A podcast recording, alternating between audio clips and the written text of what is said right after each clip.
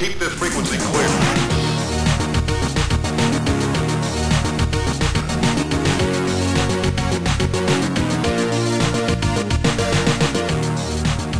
Hjertelig velkommen tilbake til eh, Spillegals podcast. Eller hjertelig velkommen til Spillegals podcast hvis du ikke har vært eh, her før. Velkommen i hvert fall, da. Det er poenget. I dag har vi et eh, veldig spennende tema, nemlig romspill. I anledning at det da i talende stund ikke er så lenge siden vi har fått inn uh, Generasjonsdefinerende nytt- ny- ny lansering. ny lansering som alle har gleda seg til, og alle er veldig opptatt av, som heter Starfield. Uh. Ja. Med meg for å diskutere dette epokegjørende spillet har jeg da i dag både Sindre Skåre Hei sann, hei sann. Hei, hei. Jeg har med oss Terje Høybakk Hallo! og Nicolas Kidland. Hallo. Hallo. Hallo. Jeg Ja, hallo, ja. Jeg heter da Trygve Solli, som jeg pleier å hete. Ikke alltid, men oftest. Jobber blitt hardeste for å hete Trygve Solli. Ja, det er, eh, det er ikke alle dager jeg er, eh, er der, altså. Har du noen eh, kommentarer til podkasten vår, som da stadig flere, det er et renn av tilbakemeldinger, så kan du sende dem til eh, e-posten vår hetsalfakrøllspillegal.no. Som den alltid profesjonelle podkastprodusenten vi er, så har jeg selvfølgelig sjekka det på forhånd, så vi har en melding klar på lur her. Oi. oi, oi. Kommer etter hvert. Oi, oi, oi. Yes. Nei, men før vi skal i gang med temaet, så kan vi ta en liten runde på hva vi har spilt i det siste. ja. Ja. ja. Plot twist, ingen av oss har spilt Starfield. Nei, men eh, vet du, at jeg, nå tenker jeg at nå tar jeg begynner, for at jeg er så beskjeden av meg. Jeg er veldig gira på å høre Du- om Starfield, må jeg, må jeg innrømme. Ja, ja. Nei, men eh, jeg har jo spilt Starfield, det har jeg. Jeg har eh, spilt Max Payne også, men det trenger jeg ikke si noe om, for at jeg vet alle hva det er for noe. Men um, Starfield er jo da nyeste spillet til Bethesda, som da er kjent for å lage åpen verden-rollespill av ymse striper. Fallout eh, i senere tid. Før det Elder Scrolls. Starfield er jo smidd på samme listen, det er ikke noe å lure på der. Det er eh, Dette kjenner man igjen. Ja, det, det Ja. er, er lov å si. Mm. Samme spillmotor, samme premisser, samme, samme mekanikkene, egentlig. Det er eh, Det eneste som jeg vil si er nytt, er jo det at de har lagt inn muligheten for å eh, hoppe inn i romkjerra si og kjøre av gårde i verdensrommet. Ja. Men til gjengjeld så har du vel fjernet alt sånn overworld, har du ikke det? Ja, altså, det er, du sier at det er tatt vekk alt uh, overworld-greier, og det, altså, det er jo På en måte så er det riktig, på en annen måte så er det ikke, men det er liksom Det er jo mitt største ankepunkt, er det at uh, stedet for å ta én sånn sammenhengende verden hvor du kan uh, bolte deg rundt i, så har du enkeltplaneter du må inn i skipet, opp på fly, lande på, og så tøffe rundt. Og det er liksom Det hadde vært greit hadde de planetene vært litt store, men det er de ikke. Ja, altså Det, det er uh, Tar vel tid å lage alt sånn for hånd, gjør det ikke det? Ja, ikke sant? Det er et uendelig antall uh, instanserte, eller så genererte instanser, da. Litt Litt avhengig av hvor du lander på planeten. Altså, du, kan for, du kan spille i 100 forskjellige genererte områder på samme planeten, hvis du vil det. Ja, men det, Er det gøy, eller? Er det gøy å utforske? det er jo akkurat det. Det er eh, Om du er typen som eh, liker å bare gå rundt og utforske og finne ting på planeter, så gjør du det her. Ja. Men uh, Ja. Jeg, jeg er ikke blitt lei av å gjøre det, for å si det sånn, men Nei, nei. Det, jeg skjønner at det, det går an å bli.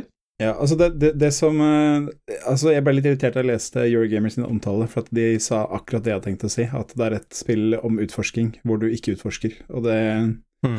ja. er vanskelig å komme over, altså, for at det er kroneksempelet, da. At du skal eh, Altså, når du, når du spiller uh, Elder Scrolls, ikke sant, så starter du et sted, og du får beskjed du skal hit, så går du dit, og det er ikke så langt unna, så det er en grei tur. Men på veien så ser du jo noe som du vil undersøke, så gjør du det. Ja. Og så neste oppdrag er selvfølgelig du skal, du skal dit, og det er enda lenger unna, så det er en lengre tur, du må planlegge litt. Grann. Og så ser du selvfølgelig ikke bare én, men mange ting du har lyst til å undersøke på veien. Så det er, noen av de undersøker du, noen tenker du jeg kommer tilbake senere, for at det ser litt hardt, hardt ut. Så Ja. Og det er liksom det som gjør de spillene veldig bra for min del, da. Grunnen til at jeg likte Fallout 4 veldig godt. Ja. For at der er det mye greier å finne. Vi calla ut det i forrige episode. Hør på episode 33 for å få med den diskusjonen der. Uh, men ja, vi pratet Ja, om det om at liksom styrken til Bethesda er jo at de lager De er, de er veldig flinke til å lage interessante, veldig sånn håndlagde verdener. Mm. Så jeg personlig var ganske skeptisk når jeg hørte at de skulle lage et romspill. Eh, eller det første jeg tenkte, var at de skal lage et romspill hvor det kanskje bare er solsystemet, litt sånn Destiny-style. Men da jeg fant ut at det var sånn tu Mm. tusen, tusen planeter eller et eller annet, Uh, så tenkte jeg å nei, de har byttet ut den ene styrken sin med bare sånn procedurally procedural generert uh, ræl, liksom. Ja. Det, det, det er en veldig, veldig vanskelig ting å komme over, akkurat det der, altså. Men det, det de har lagt inn isteden, er jo på en måte den derre romkampdelen, da. Og jeg, jeg skal være helt ærlig sett, jeg liker den ganske godt. Jeg Mm. liker å skulle fly rundt og slåss mot skip, det liker jeg. For at det minner meg om Ja. et spill jeg har tenkt å nevne etterpå. Ja, Akkurat. Yes. Fordi, Ja, jeg er, fordi, ja, Fortsett, Terje. Ja, altså, jeg er enig. Altså, det, er, det har vært veldig delte meninger om det romkampgreiene, for eh, det er, det er ikke alle som helt eh, skjønner den, eller får det til. Mm. Og det er i grunnen, spør meg, så er det egentlig litt bra at det er litt eh, mer involvert enn å bare eh, finne en fiende og få den foran i skjermen og, og trykke på musknappen til den er død. Det er Ikke sant? Ja. Men, eh, men jeg, jeg er ikke helt enig med deg med den der utforskningen. Altså, greit, at det er ikke en eneste stor sammenhengende i verden lenger, nei, men disse instansene som du lander på på planetene, er fortsatt i seg sjøl ganske store. Det tar veldig lang tid å gå fra en ende til den annen i hver av dem. Og det er, det er hele tida noen sånne små features, noen baser eller sånne ting. Ja, for jeg har, Mm. ikke, jeg har ikke spilt spillet selv. Eh, Jeg bare eh, baserer meg på omtale jeg har hørt om det. Eh, Men sånn, Ja. det virker jo som ja, de basene og stedet du lander på, er jo fremdeles håndlagde, så klart. Men det er spredd mye tynnere Ja. ut, da, er kanskje det jeg frykter mest. Det er litt forhåndlagd, for siden det er såpass mye, så blir det en noe repetisjon. Ikke sant? Mm. Og det er, særlig, det er særlig én base som jeg har eh, besøkt, jeg tror fem ganger nå. Den nøyaktig samme basen. Ja. Ja. Og ikke bare er basen i seg sjøl lik, fiendeplasseringa er lik, gjenstandene er Ja, plassert på nøyaktig samme sted. Jeg vet, jeg vet nå nøyaktig hvilket skap jeg skal åpne for å finne sånne tre sånne credit chips, og det ligger fire til på et bord nede i det nederste nivået. Jeg, jeg, kan bare, eh, jeg kan bare speedrunne den basen hver gang jeg finner den nå. Å, det blir jo det blir ny speedrunning-kategori, sånn blindfolded star, uh, Starfield runs. Ikke sant? Men uh, utforskinga er jo en del av biten her, sånn. Ikke sant? Man uh, får jo eh, Det er jo Alle planetene har et visst antall ressurser, og er det en eh, planet med en biosfære, så har du litt eh, planter og dyr og sånt noe. Så spillet vil at du skal utforske og skanne og liksom ja, bare fylle opp lista og få 100 Mm. Du har skanna alt. No Man's Sky, med andre ord. Ja, egentlig. Light. Nei, fordi Mhm. det, det Bare for å fortsette litt kronologien min da, med hvordan jeg på en måte har observert det spillet her, var som sagt at eh, jeg stusset veldig over ideen om at Bethesda skulle lage et omspill, fordi ja, av nevnte grunner. Men så ble jeg plutselig tråkket litt inn når jeg så eh, rett og slett romskipene. Altså, jeg syns romskipdesignet var Altså, jeg syns det mekaniske designet i det spillet er ganske fett. Uh, Mm. Og jeg så liksom sånn Å, du kan customize romskipene dine sånn som modulær sånn skipbyggingssystem. Og sånn, oh, det høres ganske gøy ut. Så så jeg litt av den der eh, dogfighting-gameplayet og tenkte sånn Ok, det der ser jo egentlig ganske gøy ut. Og så lærte jeg at det er ikke sånn No Man's Sky-style, sånn du tar fra en planet og flyr ut til ver- verdensrommet. Det er sånn Det er loading screens mellom nesten alt, liksom. Og det bare med Ja. en gang Ja. tenka entusiasmen min, så Ja, Ja, altså, det kommer du fort over, Ja. egentlig, spør du meg. Ja, altså det er, eh, det er liksom det. Altså de, de gjør ting som har blitt gjort før, bare at det ikke hva skal jeg si, ikke like sømløst. da. mm. Det er Det gjør det litt dårligere. Det er jo ganske sjarmerende. Det, er- det er vanskelig ikke å bli solgt på liksom sånn ja, ja, Altså, Ja. de, fokuser, de fokuserer ikke på selve reisinga. Altså, du trenger egentlig bare å ha reist én vei én gang, og så kan du fast-travele over hele dritten. Mm. Ja, Og så slipper du mer av det, liksom. Mm. Ja. Jeg har jo gjort min, mine, mine holdninger til fast travel ganske kjent på podkasten her, så det var ikke akkurat noe som solgte meg. Ja, ja, er... Jeg tror vi alle kan være enige om at det beste er det spillet du slipper å spille i det hele tatt.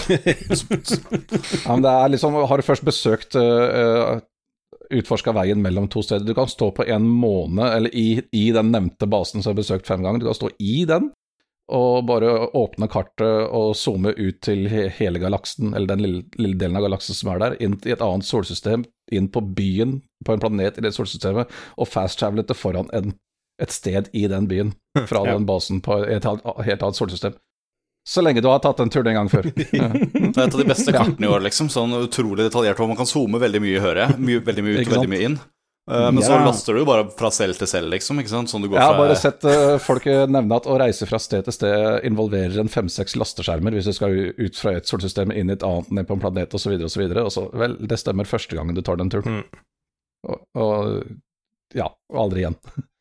Nei da, men uh, for å runde av mine tanker om Starfield, så vil jeg si at Altså, De kjører jo selvfølgelig den der gamle Bethesda-modellen med at du går ut og umiddelbart så blir du bare plemma i trynet med å, kan du hjelpe oss, vi trenger uh, noen til å oh, yes. ta ferdig oppdraget. Du jeg er den må... utvalgte, kan du være så snill å hjelpe jeg oss? Jeg må si at da jeg hørte at det het Starborn, så trodde jeg faktisk det var kødd. Det virker som en jævla parodi, liksom. Jeg skjønner ikke hvordan du kan kalle det det. At det er liksom protagonistsyndromet ditt, liksom. Det er så placeholder. Så jeg må ha noe tilsvarende Dragonborn, liksom. Bare jeg er fucking Starborn, we'll change it later. Og så bare gidder ingen noensinne. Det er så krise, ass. Ja. Nei, men, men altså det er liksom eh, Du kan si det er rigga veldig, som dere hører, rigga veldig for at du skal kunne ha lite dødtid, da, og bare gå rett mm. fra eventyr til eventyr. Sånn sett funker det, syns jeg. At eh, det er, det er mye ålreite småhistorier. Mye ålreite skuespillere. Um, og det liker jeg. At det liksom er sånn ja. Ta et kjapt eventyr, spille halvtime, tre kvarter, og så har du tatt en runde liksom med, gjennom en passelig heroisk fortelling. Det er liksom ja. Det er der du må legge Men, lista. Mm, ja, men det er, det er, ikke noe av det som er veldig fantastisk skrevet. Uh, Nei, men det er, litt, sånn, det er greit nok. Bethesda. Ja, altså Bethesda klarer ikke å skrive en main story med en pistol mot tinningen, altså. Det, yeah. de, de, klarer ikke. Nei, men eh, det er, det er, ikke det jeg tenker på. Jeg tenker på sidehistorien her, da. ja, Klart det, men også hele universet som de har eh, satt dette her i. Ok, de har skapt et nytt univers og laga litt bakhistorie, men du, du, merker fort at dette her er bare egentlig en sammensmelting av flere eh, ganske kjente sci-fi tropes. Det er det. Det er vanskelig å forestille seg. Bare si, bare si tre av hovedbyene du besøker i spillet. Den ene er jo den der Perfect Future-settingen, som er en kanskje litt eh, for mye kontrollsamfunn. Altså de har jo direkte løfta den der uh, service uh, equal citizenship-greia fra Starship Troopers, f.eks. Oh yes, det har de. Noe så jævlig. Ekstremt. Neste byen de besøker, er uh, Space Western. Det er, ja. kunne vært tatt snytt ut av Firefly. Mm. Og neste byen der igjen er jo bare neon, lys og flashy og cyberpunk-designs som holder. Så alt, og alt dette her bare eksisterer i samme univers, liksom. Hva heter den siste byen, husker du det? Uh, neon. Den neon, heter Neon, neon ja. Jeg vil bare, jeg vil bare Jeg vil du skal si det høyt. Nei, fy faen, altså. Når folk prøver å påstå at det der er velskrevet. Sorry. Men, Welcome uh, to Space City. Nei, altså, Det er liksom eh, Ja, den motoren den, den har det samme janket som den har hatt siden Morrowind, liksom. Ting, jeg trodde det var du sa at du kan ikke gi god navn, bra navn i motoren, liksom. Det er sånn De har koda alle, alle stednavnene til å være 90-tallet. Vel, la oss ikke gjennomføre. Nei, jeg prøver liksom bare å komme meg gjennom alt jeg har lyst til å si om det dritet her. ja, så, som sagt, du må ta det for hva det er. Det er eh, det jeg sier. Altså, det er ikke, ikke nær... Altså, du kan ikke Det er ikke nærheten av å være blant de beste spillene som kommer i 2023, altså. Det er uh, soleklart. men, Nei, men jeg må innrømme for, Foreløpig har det satt klørne i meg også. Jeg har, jeg har bikka 50 timer spilletid på det allerede, og det, jeg, kommer, mm. jeg, kommer, til å fortsette en stund til. Ja, ja. Men uh, det er ikke så usannsynlig at jeg faller av før uh, ting er sagt og gjort heller, altså. Mm. Men jeg, jeg, har, jeg, har, et S i ermet som kommer til å overbevise alle. Mm. Det er det at uh, den kjente youtuberen Brian David Gilbert har en rolle i spillet. oh, ja, det må ikke gå glipp av. Han spiller, han spiller en karakter som heter Phil Hill. Mm. Ja, jeg så et klipp av det. Ja, det er han, han er så klart. Det, det, er visse, det, er det er enkelte De, de har uh, en uh, ny vri på levelinga og skill-systemet, f.eks., som er liksom noe à la ting de har gjort tidligere, men en litt ny vri. Ja. Uh, de har en haug med skills i fem hovedkategorier. Er det en stjernehimmel, tilfeldigvis? Nei, det er, det er, ikke det. Selvfølgelig, du leveler opp karakteren din eh, bare med vanlig XP og får et skill point når du leveler opp, ikke sant? Og hvilken som helst skill kan du da låse opp til som den første tieren av med det skill pointet. Men så, når du har levela opp eh, en gang til og får et nytt skill point, så kan du ikke levele den skillen opp igjen uten å ha gjort en viss, eller oppfylt et visst krav som er relatert til den skillen. Mm. Så om du ikke bruker den skillen, så får du ikke levela noe mer heller. Nei, men det, det, er, det er jo veldig sånn uh, både òg, da. Det, det, er én For å få fitness, så må du Du må bruke ja. all stemmen og ta skade av at du har brukt opp stemmen. Det må du gjøre ti ganger eller sånn nå. Og så er det boostpack. Ja, den bruker boostpacken i kamp ti ganger. Det, det, klarte jeg, ja. det, klarte jeg, 15 sekunder etter at jeg låste opp den skillen, liksom. Ja, noen av de er veldig greit. Alle våpenskillsa, for eksempel, sånn det handler om også uh, rifle-skillen, liksom. Ok, skyt For å kunne få den til level 2, så må du først skyte 20 fiender mm. med, med, en rifle. Ja. I tillegg til å levele opp igjen. Det, det, er veldig sånn simple greier sånn som det, men uh, Mm. Det gjør at du ikke får kasta bort skill points på ting du ender opp med ikke bruke noe særlig, annet enn å låse opp den første tieren. Alle disse skillsa har bare fire tiers, ja. som, som, jeg også liker, for det er faktisk en uh, betydelig forbedring å øke en skill én gang, ja. istedenfor at du har 20 nivåer som bare er sånn små increments. Ja. Men det, det, det, er én ting som jeg ikke klarer å bli kompis med, og det er det at du Altså det jævla encumbrance-dritet, altså. Det er um, ja. Ja. Du, det har mange også klaga på. Ja, men det, det, er mm. ikke noe rart, altså det er ikke noe moro. Det er liksom Nei. Ja, utforske litt, finne ting, da, finne litt ut. Altså, ja, ok, nå er jeg encumbered, og da kan jeg ikke Altså, det er ikke at du ikke kan løpe, men du kan Du tar mye fortere skade av å løpe, så kan du ja. ikke fast travel lenger, da. Selvfølgelig. Nei, altså, du skal jo Det er sånn du skal ha noe å tenke på. Mm det er crafting i dette her. Det er så mye crafting. Altså, du har basebygging, du har skipsmodulbygging som må craftes, du har våpen som skal craftes, du har romdrakter som skal craftes. Jævlig mye som skal craftes, og dette må du samle sammen ressurser til for å gjøre. Mm. Og så har du jævlig begrensa med mm. inventory space å, å bære dette her i. Nei, du kan jo kan du laste av ting på skipet ditt, da. Men jeg, du kan laste av ting på skipet ditt, ja, men det, det fyller du rimelig fort opp, det òg. Det gjør det. Så jeg har fylt opp skipet. Jeg er ikke i nærheten av å ha de tinga jeg trenger for å crafte level 1 på mange av de tinga jeg må crafte for å kunne låse opp mer crafting. Det er sånn Nettopp. Er det, er det, et navn for den følelsen Hva er det, hva er det motsatte av FOMO? Hvor det var så godt med at jeg slipper å spille det dritet her, liksom. Nei, men altså, en del av det Sånn som ja, ja, det er jo det her. Jeg sitter bare og storkoser meg med å tenke på og kose meg skikkelig, som med tanke på at jeg ikke må spille her. Det aller meste av crafting i det spillet her kan du egentlig bare velge å hoppe og drite i. Jeg, jeg mm. tror ikke noe av det egentlig er nødvendig. Du, veldig mye av utstyret som du bare finner eller kjøper i butikker, er bra nok. Det trenger, ikke, trenger egentlig ikke moddes noe særlig. Og det samme med skip og sånt nå også. Du, du kan kjøpe bedre skip, du må ikke bygge et selv. Mm. For, for det, det, er kreft, altså. å Også, de har ikke greit å designe et bra system til å gjøre det der med. Ja, skuffende. Det Hører du det, Sindre? Fuck det, Sindre. Nei, men altså, du åpner den der skipsbyggeskjermen, og så får du bare masse menyer og snarveitaster med piss og kategorier og drit og helvete. Så, så, så, må du crafte det og det komponentet, prøve å få rotert det og så plassert det på et fornuftig sted på den der modellen. Så, så herre jævla gud, det er bare rein aids, ikke Hvorfor er dette med i dette spillet i det hele tatt? Hvorfor, hvorfor skal sånne systemer være med? Det er det du tenker, altså de kaster uh, leira på veggen helt til noen som fester seg, jeg vet ikke, men um... Ikke sant? Ja, men de introduserte jo dette med basebygging og sånt, noen outposts i Fallout 4. Mm. Ja. Så bare si med en gang at jeg hoppa og dreit i det systemet der òg. Samme her. Eller jo, nei, jeg bygde, bygde en, en skyskraper. Men det blei ganske godt mottatt. Det var en ting veldig veldig mange likte. Så tenkte vi å nei, nå kommer dette til å være med i alle Bethesda-spillene framover, og yay, det er det. Jeg syns det var ålreit, egentlig, men det var sånn Ja, det var ganske under uh, underkokt, da, uh, når det kom ut. Så det var en type sånn ah, dette kommer til å bli 100 ganger bedre med Mons uh, et par år i fremtiden. Ja. Så.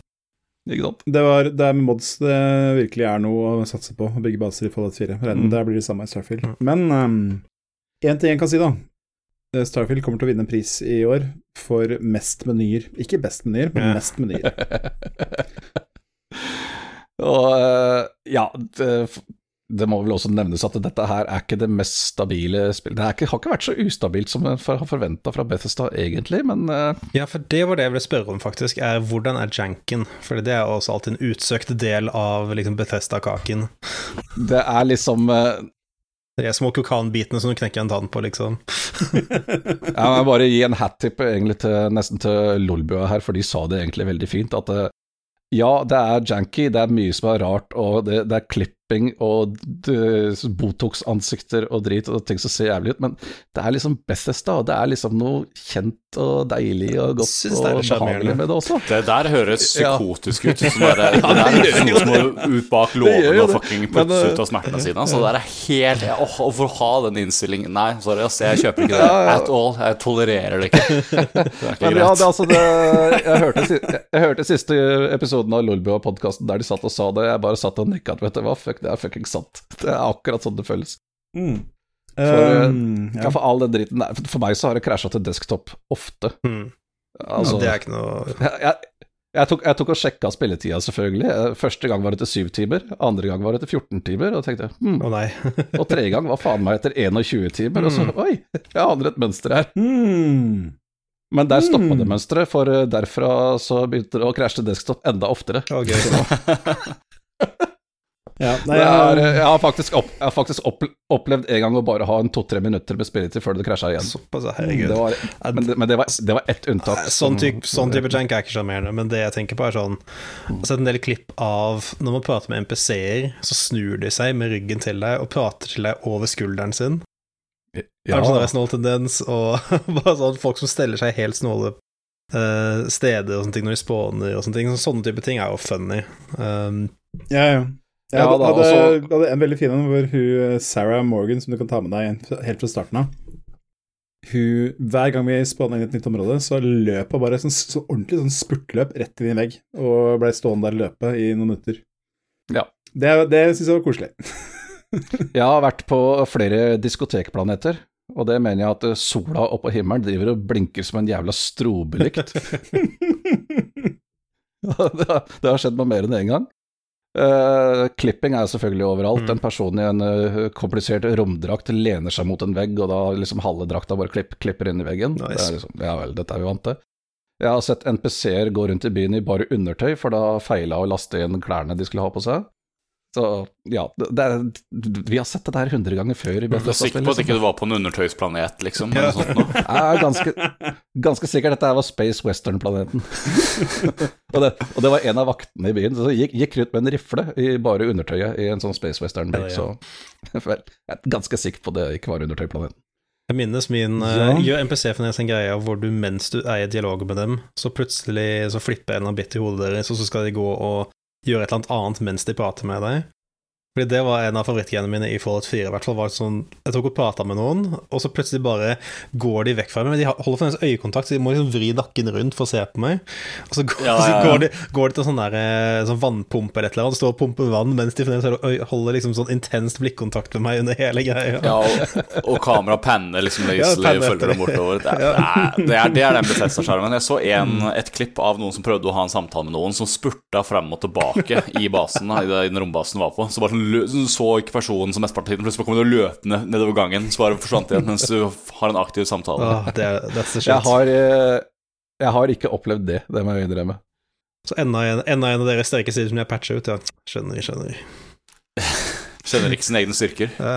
Men én ting jeg har lyst til å skryte av dem, det er designet på disse her store byene. For mm. de ser eh, virkelig eh, de, de, ser liksom litt på en måte ekte ut, eller de følger det designet sitt. Ja. Ta den Space Western-byen, da. Den er veldig sånn kaotisk eh, lagt opp, liksom, sånn at ting bare har poppa opp her og der opp gjennom åra, helt tilfeldig, for eksempel. Og det er ganske bra sånne crowd-NPC-greie eh, gående. Det er masse sånne bare random NPC som bare går rundt. Det, det, føles ut som Det er ikke som i gamle dager liksom, hvor det bare var en tre-fire NPC-er i en stor by som mm. gikk rundt. Dette er, det er faktisk uh... Hva var det opplegget de Hva var det de kalte det? Var det Oblivion hvor de hadde der um var det Radiant AI eller noe sånt nå? Ja. Hvor liksom alle AI-ene skulle ha, skulle ha liv og oppgaver og ting de skulle gjøre. Det var ikke sånn at de bare å mm -hmm. rundt. Skal ha sånn daily sketch ja, men, ja. Får du den følelsen? Men problemet med det da, at det var ikke flere NPC-er i byen enn det var eh, bygninger for dem å bo i, ikke sant? Og så, så alle byene virka veldig tomme for folk. Mm. Ikke her. Her er det veldig masse bare sånne randoms eh, som bare går rundt og du får Byene virker mye mer levende nå. Ja. Mm. Og det er liksom bare sånne random shit overalt. Altså, de, de er ikke tomme, Mm. sånn som man Nei, en, en ting jeg vil gi uh, uh, påpeke, er jo Jeg husker at jeg syns Fallout 4 var en ganske stort sånn hopp sånn visuelt for, eh, for Bethesda. Særlig fra liksom, treeren og Oblivion og alt det der. Uh, og ikke bare sånn grafikkmessig at liksom Nå har de oppgradert til DirectX 11 eller whatever, men mer at um, des designet, rett og slett, art direction, og særlig på det industrielle og eh, og sånt eh, gjorde et stort hopp fremover, synes jeg, med fireren. Og jeg syns mye av det er også synlig i Starfield, hvor det er Som sagt, jeg syns romskipsdesignet så ganske fete ut. Jeg så ganske mye sånn, romdrakt og eh, sånn environment design og sånne ting, da, som jeg syns så ganske fett ut. Jo NASA-punk, er det ja, det de kaller det? Ja, ikke sant? er det de kaller det? Og det jeg vil gi det credit til, er jo at jeg mistenker veldig at det skjedde fordi Bethesda tok jo og kjøpte opp uh, Machine Games, det svenske studioet som lagde de nye Wolfenstein-spillene. Uh, og og Ja. de er jo, jeg vil påstå, sånn best in class på sånn hard surface design og sånne ting. Fordi Si hva du sier om Wolf Wolfenstein-spillene, de hadde jævla fet, uh, jævla fet estetikk. Sånn dieselpunk-greier og alt det der. Og jeg mistenker Det at de ligger i bare navnet, vet du. ikke sant? Så jeg lurer på om de bare har eh, Jeg regner med at det har bare vært en sånn Ja, at de har absorbert et par art directors og sånne ting fra det studioet.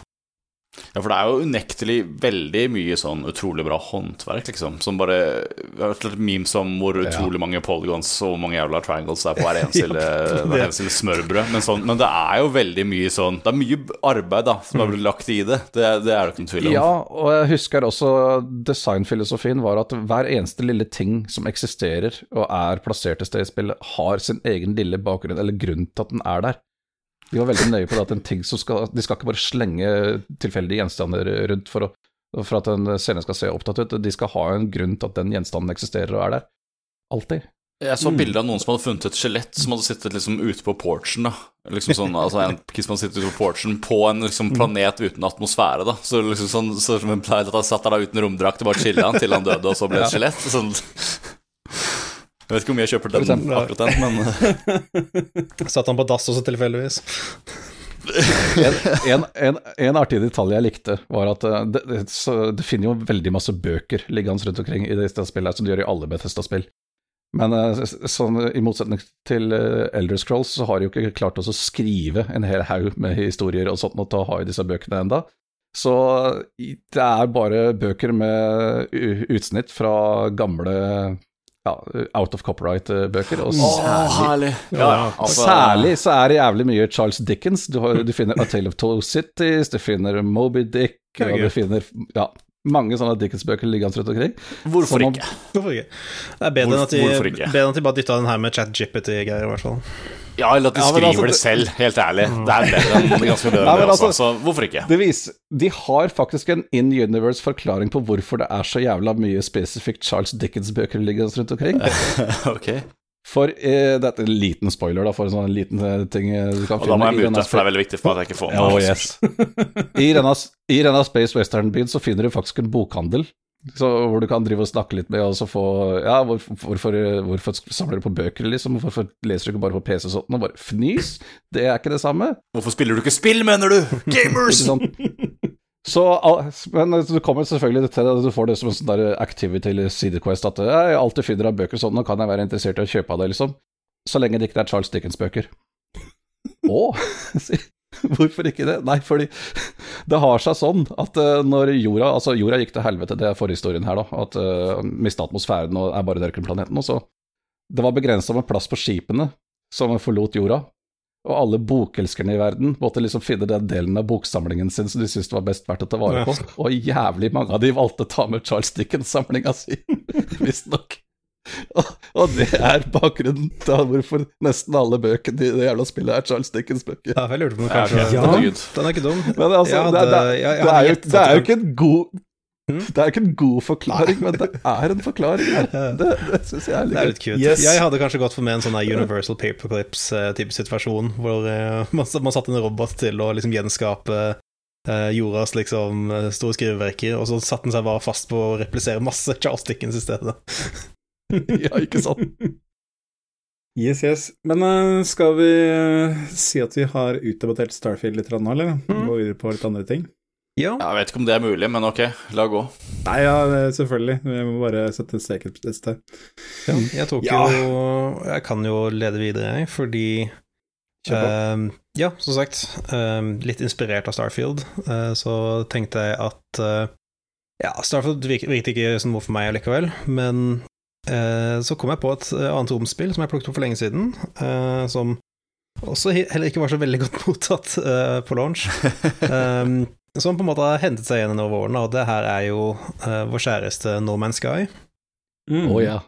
Og det Ja Jeg vet ikke om det trenger noen introduksjon, men ja, bare sånn rent kjapt, det var jo et veldig hypa sånn indie-romspill indie som virkelig la seg hardt på den der prosedyriske genereringen, da, hvor ja, de genererte liksom en hel galakse og Uh, masse planeter og dyr og, og, og, til språk og alt mulig, liksom. Uh, alt skulle liksom være prosedyrisk og i en helt enorm skala.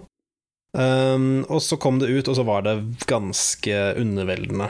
Um, men de solgte jo ganske mye, mange kopier da når det først kom ut. Og um, de fikk jo ganske mye drahjelp fra Sony også. Uh, de, var, de, var, vel en PlayStation-eksklusiv i starten, var det ikke det? Jo, så det var en så bra, bra oppsummering. For det henta Hello Games, og det var de som lagde um, Var det Joe, Joe Danger, Danger det het? Ja. Yes. Ja. En ordentlig uh, liten perle. Mm. Uh, nei, men ja, ikke sant, det var det. Det var det at det ble hypa opp, og det ble nok litt sånn offer for liksom hele PR-maskineriet ja, ja. til Sony. ikke sant? Og det ble liksom, det var veldig tydelig at dette var den store satsingen Sony hadde ja. den høsten, eller whatever. Men han, men han, jo... han headhunchen i Hello Games Sean Murray. Sean Murray ja. Han hadde ikke medietrening i det hele tatt. han eh, lot seg rive med av sitt eget hypetog, for å ja, for sånn. Når jeg tenker tilbake på den der pre-launch Så jeg skal være veldig rask, altså, den pre-launch-hypen Det liksom mest sånn konkrete øyeblikket jeg husker, er der hvor han blir intervjua, og noen spør om direkte sånn Er det multiplayer, liksom? Som dere har vært sånn utvetydige på det, er det multiplayer i spillet? Og da var det sånn, da sa han sånn Ja, teoretisk sett så kan du møte på noen på en planet, liksom, men sannsynligheten for at dere møtes på den samme planeten da, i et så stort univers, den er så liten at det er sånn praktisk talt ikke multiplier. Og det er bare mm. Det svaret. Åh, stakkars. Stakkars, stakkars han. Ja, men det viste seg jo å heller ikke være sant, i hvert fall ikke i starten. Nei, det er jo bare piss, og det er, det er så tydelig ja, ja. piss også, ikke sant. Så sånn, uh, men, men, ja, de har jo henta seg inn. De har jo ja, Sindre, du får nesten må ta over. Ja, uh, de har jo uh, ja, for det var vel kom vel ut i Nå var det Var det Nå var det kommet, var 2017, 2016, var det ikke det? 2017. 2017 ja, så nå har vi vært ute ja, i syv år nå, tror jeg. Og det er jo faen meg sånn De har jo kommet ut med en patch, uh, patch etter patch, liksom, med nytt innhold og og sånne ting. Jeg tror de er oppe i sånn 40, 40 oppdateringer eller noe eller annet. Sånn major oppdateringer. Og alt er gratis, tror jeg. Ja. Det er ikke noe som er liksom sånn betalt innhold. Og det, er, betalt, liksom. og det er liksom sånn litt, ja. en, det er litt en Bethesda-greie hvor du har liksom, de har lagt til sånn basebygging og ganske sånn store, mm, drastiske yeah. greier. Multiplayer la de jo faktisk til. Ja, ja. Altså, jeg tok og Jeg spilte jo på launch, og altså, for å være helt ærlig, sånn Jeg klarte å lese mellom linjene og innså at dette her er De kommer ikke til å inn, klare å innfri noen av de greiene de prater om her. Men um, jeg likte det egentlig ganske godt, selv om det var ganske underveldende. Det var bare noe Det var egentlig bare med stemningen, egentlig. Bare sånn Det er, mm. det er et dritpent spill, og den derre ensomheten og liksom tass, tasse rundt på disse øde planetene og Uh, og liksom sånn mm. ska, uh, scavenge etter materialer for å liksom reise til neste planet osv. Det var noe sjarmerende med det. Det var bare litt for tynt på det tidspunktet at jeg gadd å putte så særlig mye mer tid i det. Men ja, ja, eh, så er det den klassiske, ja. den klassiske fella med liksom, sånn når du genererer så mye innhold hvor liksom det kan være så veldig mye forskjellig, så blir det jo mm. sånn 99 av tingene blir liksom sånn Det er ca. det samme dyret, og nå er det dobbelt så stort på den ja, måten her, liksom. Dette er, en, er en farge, dette er en color swap av en ting jeg har sett tidligere, liksom. Mm. Uh, men så var det Tror ikke jeg fyrte opp igjen senere når de la til multiplayer, uh, bare for å teste det, og det var litt artig. Da tror jeg det var, var meg og Loden og var det Brian, kanskje? Som bare to, Vi tok og bare mekka en base og soste uh, litt rundt og, og, holdt på i noen timer, og det var artig, det. Uh, og nå Men det var vel noe sånn tre-fire år siden, tror jeg. Men nå har jeg fyrt opp igjen, mm. da, bare fordi sånn Ok, nå, er, nå føler jeg på tide at jeg vil sjekke liksom, hva er det de har lagt til, liksom. Og jeg har bare hatt tid til å spille sånn eh, fire-fem timer med et eller annet, så de første sånn intro-oppdragene er jo omtrent det samme. Sånn Du våkner opp på denne planet, du har mistet hukommelsen, men du, du, selv ser ut til å ha lagt igjen spor til deg selv uh, om å liksom finne veien tilbake til oppdraget ditt og sånt. Så det er noe sånn Ja, det, det, er liksom sånn Du har en sånn rød tråd da, gjennom, uh, gjennom, spillet som er en sånn Dette er på en måte hovedoppdraget ditt. Og det er på en måte en tutorial da som liksom gir deg ditt første romskip og lærer deg å, lærer deg å crafte, hvordan du setter opp en hyperdrive osv. Men så tar den og bare på en måte slipper deg løs da, og bare sier sånn OK, gjør hva faen du vil, liksom. Men så snart du går tom, uh, går tom for ting å gjøre, eller begynner å kjede deg med å ikke, bygge en base eller oppgradere, gjøre romhandel eller whatever kan, Dette har en rød tråd her da, som du kan bare gå tilbake til for liksom ha et eller annet å gjøre, liksom. Så jeg er ikke så langt i den ennå, men basert Altså, som sagt, første delen er ganske lik det jeg spilte for 20 år siden men jeg bare ser liksom i menyene og i disse forskjellige romstasjonene jeg stopper på, bare ting som flyr rundt i verdensrommet. at det er bare sånn Ok, her er det jævlig mye mer nytt shit, liksom, som jeg er nysgjerrig på å teste. Mm. Sånn Så bare sånn mm. crafting-menyen, så sa jeg masse sånne greier for kan visstnok begynne å bygge sånne der eh, land vehicles og mekkaer og, og, ting som det, liksom. Så. Ja, ja, det er dritkult. Det, der. det er dritkult. Mm. Er det Altså, ikke for annen fyren, men mm. Men hvorfor? Hvor, hvorfor? Hva, hva, er motivasjonen for å engasjere meg? altså, sånn, er, er, det gøy? Er det digg å liksom Det er et veldig chill spill. Altså, det, for meg så er det bare sånn det, det er, Jeg plukket opp igjen til dels fordi jeg var nysgjerrig på det pga. Eh, Starfield, men også fordi jeg har spilt veldig mye Boulder Skate i det siste, og har endelig, endelig kommet meg til Boulder Skate. Og jeg bare føler meg litt sånn Selveste? Føler, ja, selveste. Den titulære Boulder Skate. Uh, og jeg har bare blitt litt sånn Blitt litt utbrent på det, og ville bare ha sånn mm. eh, Nå begynner liksom plott å ta seg, ta seg, opp, og det er mange viktige valg du må ta, og mange mm. historietråder å holde styr på alt det der. Så da, nå vil jeg bare ha et eller annet sånn litt sånn Stardew Valley-aktig, sånn bare slenge ja, på sofaen, skru av hjernen, bare sose rundt og hugge ned noen trær og eh, eh, hogge noen steiner og bygge et hus, liksom. Sånn ja, ja, Det er comfy crafting-spill. Um, Mm. Ikke sant, det er akkurat det. Jeg ser den, jeg ser den veldig godt, altså. Minner meg faktisk en del om uh, vibbene til Subnautica, hvis det, hvis det er appellerende. Mm. Så det er sånn der uh, Ja, litt den der uh, På en måte den der ensomme, isolerte sånn Bare cruise rundt i en, i en svær verden, liksom. Mm. mm. Jeg, jeg, spilte No Man's Sky ved launch, og en av de som likte det. Så, samme som deg, men mm. jeg brant meg også fort ut på det. Jeg, jeg fant den der ene storylinen du kan uh, følge, som ikke er den som spillet handler om at du skal prøve å komme deg til sentrum av galaksen, ikke sant. Ja, ja. Men det er, en, det er, en, annen storyline der som Jeg husker ikke detaljene, det er for mange år siden. Ja, Men jeg fulgte den, og Det er et eller annet du skal kom... samle alle verkene til Follin og et eller annet. Ja, ikke sant. Det er det der. Jeg er fortsatt ikke ferdig. Nei, altså Nei, nei ja, den, det, det, fikk jo kritikk, for den storylinen var dårlig. Altså, det var ikke noe payoff på slutten i det hele tatt. Det var liksom ikke noen grunn til å gjøre det. Det var det jeg også opplevde. Så når jeg var ferdig med den der, så liksom var jeg utbrent på No Man's Sky og mm. ferdig. Men jeg også har tenkt at jeg har lyst til å gå tilbake til det, liksom, og kanskje få fullført dette, denne reisen inn til senteret av galaksen og se ja. hva som skjer der mm. en gang. Men uh, Hva som foregår, liksom? Hva som rører seg? Jeg har også hørt om disse her oppdateringene, ja, som uh, basebygging. Uh, altså hva skal, man med, base, hva skal man med basebygging No Man's Sky? Hele, hele, poenget er jo å fly fra planet til planet. Det er jo ikke meningen at det skal slå rot noe sted. Nei. En, en, ting som de la til, som jeg bare elsker, sjøl om det er helt håpløst, det er det at de har lagt, lagt til VR. Mm. Ja. Så du, oh, kan, ja. du, ja, kan spille, du kan spille det spillet hvor du skal utforske hele galaksen og herje rundt og opp og ned og fram og tilbake og fly rundt omkring, i VR, hvis du orker det. Det er det ingen som orker. Ja, jeg syns ja, det høres ja. Ja, ja, Romspill er jo det som skinner mest i VR. Det er jo en grunn til at jeg faktisk det... begynte, å spille, begynte å spille igjen på PC, var fordi eh, jeg har hatt lyst til å bare prøve å plukke opp litt VR-gaming igjen. Og det var et av de jeg kom på. Typ sånn, ah, shit, det virker ganske smooth å bare fyke rundt i de romskipene i VR, liksom. Mm. En av de eh, som jeg har likt å følge på Twitter, da Twitter fortsatt gikk an å følge med på, det var eh, han eh, Jeff Minter. Mm. Og han ja, ja. likte veldig godt å eksperimentere med VR, det har han jo gjort i spillet. Han uh, lager Lamasoft-fame. Oh, yes, mm. yes. Så uh, han, han, spilte No Man's Sky i VR mye, og skrøt av det. Han likte det veldig godt. Mm. Mm. Jeg, kan, jeg, kan, se den, altså. Jeg visste liksom sånn Det, det har vel PSVR-støtte også, tror jeg? Sånn det det den første, kanskje? Ja, jeg, jeg lurer på om ikke det var det han brukte. Fordi mm. Ja, Noen av de spillene han uh, lagde, var jo commissiona av uh, Sony, og de også insisterte på at uh, PSVR skulle støttes. ja, ja, ja. Jeg spilte jo jævla så, Space Giraffe eller hva faen i, i ja, PSVR. Så, så han hadde jo Han, han hadde jo har vel PSVR DevKit, antagelig. Mm. Mm. Yes, skal vi Da var det en liten forsmak på tema, men skal vi skippe videre til uh, Nicolas, som jeg vet klør etter å få sagt noe om sitt uh, utvalgte? Nei, nå har vi snakka spill for lenge, nå må vi bare komme oss videre. ja. nå snakker vi, nå prater vi om film i stedet. Nei, nå er, vi, nå er, det vel duket for smak av Monster Ultra Black, den nye smaken til Monster. Uh, ja, ja. Nei, nei da, jo, jeg var litt hype på, på å prate om um, Armored Core 6, Fires of Rubicon, det siste mm. spillet til From Software. Jeg føler, jeg føler, at jeg har jeg hørt deg bare Jeg føler at jeg har hørt deg bare gå rundt i stuerommet og bare punche luften, liksom. Bare ut av, ja, ja, ja. Ut av opp, opp, eh, oppspent eh, liksom, vilje til å prate med spillere.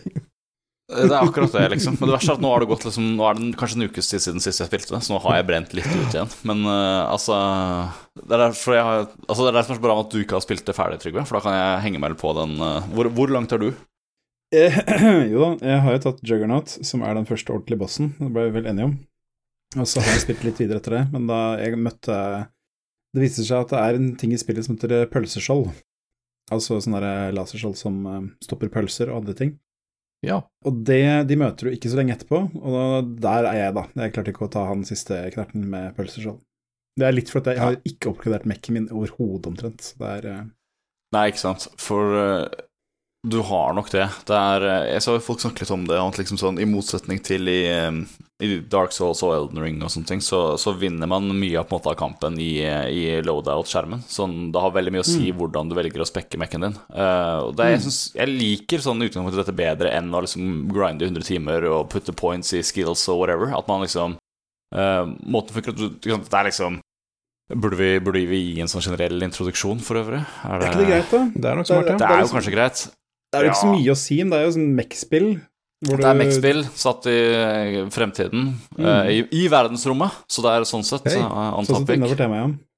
ja, ja. Uh, du er på denne planeten Rubicon, hvor det har hvor Cliff Notes er at liksom det var en veldig sånn fet naturressurs, og så døde alle, men nå er det stemning igjen for å hente ut litt av den naturressursen. Det er vel mm. egentlig veldig sånn veldig løst, det som foregår. Som heter Coral, den ressursen, gjør den ikke det? Yes, det er akkurat ja. det. Det er det den gjør. Det er det den heter, vet du. Det er koraller.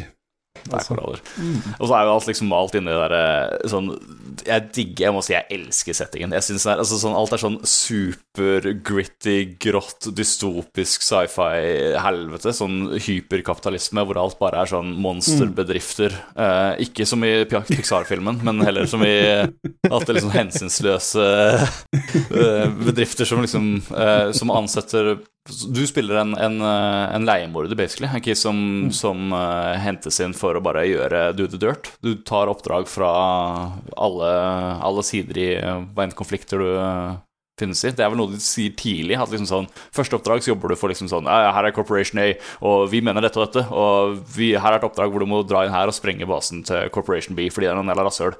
Og så neste oppdrag er liksom at du jobber for Corporation B og bare sånn ah, de herpa oss skikkelig forrige uke, så nå må vi ta igjen. Ta, dra hit og ødelegge litt. Yes, det, er, det, er liksom, det, det, der gjør de med vilje, som bevisst. At ja, ja, ja. Når, du har, når, du har, tatt et sånt mission som var drithardt, når du har slåss mot en side, så bare neste oppdrag bare Ja, nå, dette er jo litt rart, men nå ber vi deg gjerne hjelpe oss litt. Altså, det er de du akkurat banka driten ut av. Så ja, og de legger ikke noe mellom det. Og han, nei, nei. han, eh, han handleren din, Walter, godgutten, han er jo bare rett på det. Bare sånn, ja ja, mer, mer jobb for oss. It's living. business is business. Ja, jeg skjønner. Altså, sånn, jeg kan bable om estetikken i sånn timevis. Ja, hva, hva sier du, Terje? Ja, hvordan er egentlig gameplay? Er dette sånn fast mecha combat, eller er det sånn treg tank-lignende? Nei, det er definitivt på den, på den raskere siden. Mm, uh, hvis du tenker okay. på liksom sånn For når jeg tenker på sånn trege mech-spill, så tenker jeg sånn førsteperson, sånn lumbering, så er det tar ti minutter å gå 50 meter, sånn mm. ordentlig sånn tunge seie, og det har du ikke her, ja, selv, om du, selv om du ruster mekkene så, så tungt du klarer. Mm. Uh, uh, så er det mest sånn vil, altså Det er jo en third person sånn action et actionspill, liksom. Sånn, uh, sånn, hva er franskpunktene? Devil May Cry og liksom sånn. Det er litt mer prosjektilvåpen, antar jeg. Jeg er ikke så Jeg har aldri vært sånn veldig inne i sånn, sånn Bajonetta og Devil May Cry og altså den type sånn tredjepersons Mm. action. Mm. Vanquish er vel kanskje Kanskje ikke det Vanquish er ikke den dummeste referanseramma i det hele tatt. Det er eh, Ok, veldig noe med posisjonering og um, manøvrering. Det er liksom det du vinner på, føler jeg, da. Og som, altså, det er så fucking digg, altså. Det er så digg å, å finnes i det spillet. Og bare slide rundt sånn. For du spiller en, en, en mech som er liksom sånn hvor, altså sånn, Den er jo sånn 20 meter høy. Sånn, den minste mechen din er liksom sånn enorm. Av og til så finner du sånn biler og sånn på oppdragene du besøker, og det er jævlig funny, syns jeg. Um, for det er Du kan liksom plukke de opp og kaste Men de sånn, du er ut, liksom. Ja, det er, hvis du er nær dem, så gjør de en sånn liten animasjon hvor du bare sånn spretter bortover og så sprenger. Og det ser dritfunny ut. Det er veldig, veldig bra. Men ja, du kan du slide rundt med bare masse sånne gnister og boosters, og det bare ah, Nei, det er sånn følelsen av å hoppe rundt og dodge angrep og sånn Det sitter sånn Jeg vet ikke om du vet det, men From lager bra actionspill, ass. Det er skikkelig, eh, skikkelig digg å, Ja, digg å ja, spille. det det har vært hinta om det før. Ja. Ja. Nei, det er, det er, eh, altså det er veldig den derre from-følelsen at liksom de har de har den der kjerneloopen sin som de kjører veldig hardt på, og det liksom de sliper den veldig godt. sånn at Den er ekstremt tilfredsstillende, og det har de klart i Armored Core 6 òg. Veldig godt. Ja, for de er jo sånn eh, De er jo mest kjent for uh, Souls-spillene, egentlig. Og de er jo ganske Sammenlignet med sånn character action-spill sånn som Devil May Cry og Vanquish og sånn, så er de jo ganske trege og metodiske. Eh, men de demonstrerte jo med Bloodborne at de kan definitivt gjøre mye mer twitchy, I refleksbasert eh, gameplay også. Jeg har sett Mm. Sekiro er blitt liksom oh, ja, name-droppa mye som det tidligere Mm. spillet det ligner mest på. For det handler mye om, liksom sånn, uh, om å være aggressiv. ikke sant? Og, og være liksom, Så har du en boss som er pushy og slitsom, så skal du bare pushe tilbake og være like Mm. slitsom. Sånn det handler om å være aggressiv og, og det, Altså sånn Jeg har lyst til å ta en ny episode om liksom, når vi har lov til å bare prate vilt sånn spoilerfritt. Ikke fordi liksom, historien er så veldig spennende, eller whatever, men fordi det er liksom sånn Jeg har lyst til å gå virkelig i dybden, da, i sømmene på det. For det er veldig mye, mye kult som skjer. Jeg er veldig keen på å spille ja, AC6, eh, jeg også, men eh, Ja. har som sagt Baldur's Gate og fremdeles jævla Zelda å runde. Altså. det er for, det er for mye spill i år, altså, fuck sake. Det er for mye spill i Ja, år. det det har kommet til sjukt mange spill de siste månedene, så det er uh, Vi er litt der. Mm. Nei, men altså, jeg, jeg er jo ikke i nærheten av å være like inne i Armored Core som det er Nicholas her, men jeg har jo spilt nok til å vite at dette her er virkelig noe for meg, ass. Det er, som du sier, altså, det føles godt å eksistere i det spillet. Det er bare så deilig. Det er, og det, det jeg vil trekke fram, som jeg setter kjempepris på, er det at eh, de der eh, enorme uh, Altså, de milelange sightlinesene du har i Elden Ring, de er i Armored Core 6 Altså. Nice. Du kan liksom se Mm. i himmelen over deg så henger det sånn derre absurd, kolossal eh, installasjon som bare er der for å være der. Yes. Så det er liksom bare for å Det er ordentlig maksimalistisk, liksom. Det er sånn Mm, mm. overdesigna og bare masse sånn herre sånn uh, rusten, liksom sånn industrigreie dratt, liksom sånn Det er så liksom gritty og bare sånn herre Ja, jeg elsker det. Jeg syns det er så kult. Ja, og så er det, det, er én kamp ganske tidlig i spillet som uh, Den blir presentert litt som en bosskamp, der hvor du skal ta en sånn mining vessel. det, det, det oppdraget går ut på, for at den mining vesselen er jo Altså, det den er på størrelse med en by, liksom. Og du må Utfordringa i det brettet er bare at du må klare å tolke den strukturen du står foran, og klare å finne Ok, hvis jeg går der, hvis jeg gjør sånn, kanskje da kan komme videre dit, kanskje da kan jeg gjøre sånn. Det er det som liksom er det brettet. Mm. Og den følelsen, den er bare mm, Den er god, altså. Når du klarer liksom å lese og tolke det du, det du er, ser foran deg, liksom. At det, dette er et enormt beist med millioner av eh, sånn turrets og eh, dill og dall, og alle ting som kommer for å drepe deg, og liksom Ja, men hvis jeg bare gjør dette her Er dette den infamøse Baltius du prater om her?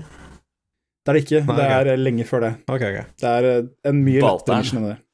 Yes. oh. Nei, men det, som sagt, altså Det er et spill for feinschmeckere, vil jeg si. Altså. Det er, eh, der kan du virkelig gå inn i Gå i dybden og kose deg med detaljer og lage god låde. At du kan tegne alle deler av Mac-en din, kan du lage designs på. Alt sett mulig rart. noen veldig bra custom designs, ass. Det er helt Ja, nydelig. ja, ja. Tenk på denne John, John Deere-fargene og ja. ja, ja, ja. så må jeg bare si at liksom sånn, sånn Estetikken er jo liksom dritbra, men lyddesign også er jo helt Mm. enormt. Liksom sånn, Det er Mhm. så fuckings kult. Sånn eh, hver eneste lille jævla sånn der, sånn, Hver eneste lyd er bare perfekt. Sånn helt ærlig. Sånn eh, Voice actinga er liksom sånn Den er ok. eh, liksom sånn Når den er mangelfull, så er det jo fordi det er liksom litt sånn, litt sånn oversatt, men sånn det funker. Men sånn alt av lyder og bare sånne sånne, sånn, ja, industrielle, mekaniske greia, og alle tonene er liksom sånn, liksom sånn uh, Ikke bare er, er soundtracket helt spektakulært og kjempebra og bare kjempeintenst og, og gjør uh, de boss battlene og sånne ting, men bare, mm. uh, bare den generelle stemninga. Det, sånn, det, er så liksom sånn lavmælt og sånn molefonkent. Det er så gritty, bare sånn dystert. Det er bare skikkelig bare sånn Hver eneste gang du går til basen din mellom oppdrag, hvor du liksom sånn Du får en liten sånn sekvens hvor du kanskje prater med en handler eller to, får litt info om neste oppdrag, og så går du gjennom shoppen og ser om du skal bytte litt på mekken din og sånne ting. Og bare den stemninga, bare av de tonene der, det er veldig bare sånn herre ah, jeg vet ikke hvordan jeg skal forklare det, men jeg, jeg, jeg digger det. Det er veldig liksom sånn, sånn bite tenna sammen og ut på jobb og skyte meks. Liksom. Det, det, er veldig, veldig kult. Mm, mm. Veldig dystopisk. Veldig, veldig. Nei, så da har vi eh, noen klare anbefalinger, i hvert fall. Armored Core 6 ja. er uh, verdt å få med seg. Kan forstå på en morsom ting, var jo at når liksom Dark Souls og Demon Souls-spillene kom ut og fikk en del liksom uh, Fikk en sånn kult status rundt seg, så husker jeg hørte en del kommentarer hvor folk sa bare typ sånn Å oh ja, wow, FromSoft, de der, det Mekka-spillselskapet, de skal lage fantasy-spill nå, ja. ja. Mm. Ah, lurer på hvordan det går. Ja. da hører jeg det samme. Sånn, Å oh ja, det er Dark Souls-folka skal lage et Mekka-spill, ja. ja. Få se hvordan det blir. det som var liksom bread and butter for tolv år siden, eller whatever. Mm. Ja. Ikke sant? De litt yngre spillerne de er ikke klar over det at FromSoft gjorde faktisk andre ting før Souls-serien. Ja. Mm. Som, King, som Kingsfield. Eller Cookie and Cream. Ja, Kingsfield, å herregud. Eller uh, Ninja Blade. Det er bare oh. jeg som spilte Ninja Blade der, jeg er sikker på. Det er et fantastisk. Ja, det, 360. det er det 360, det er helt riktig. Det er samme kategori som Bullet Twitch. Vi hadde vel også den der, det der Voxel-Selda-spillet, den der 3D Dot Heroes eller et eller annet. Ja. Oh yes. Det spillet, oh, ja, det, var dem. Mm. det spillet er legit er legendarisk bra, da. Det må jeg bare si. Hva med Metal Wolf Chaos? Metal Wolf Chaos, selvfølgelig. Det har jeg også. Det er uh, også veldig herlig. Yes, det yes. De, det, var, det var ikke de som var Bulletstorm? Nei, det var ikke det. Nei, det var ikke. Det er um, People Can Fly. Ja, det stemmer. Mm. Serious Am Walker? Uh, nei, Painkiller er det. Serious Sam er Painkiller, ja. Ja, Crow Team er Serious Sam. Mm. det skal være rett.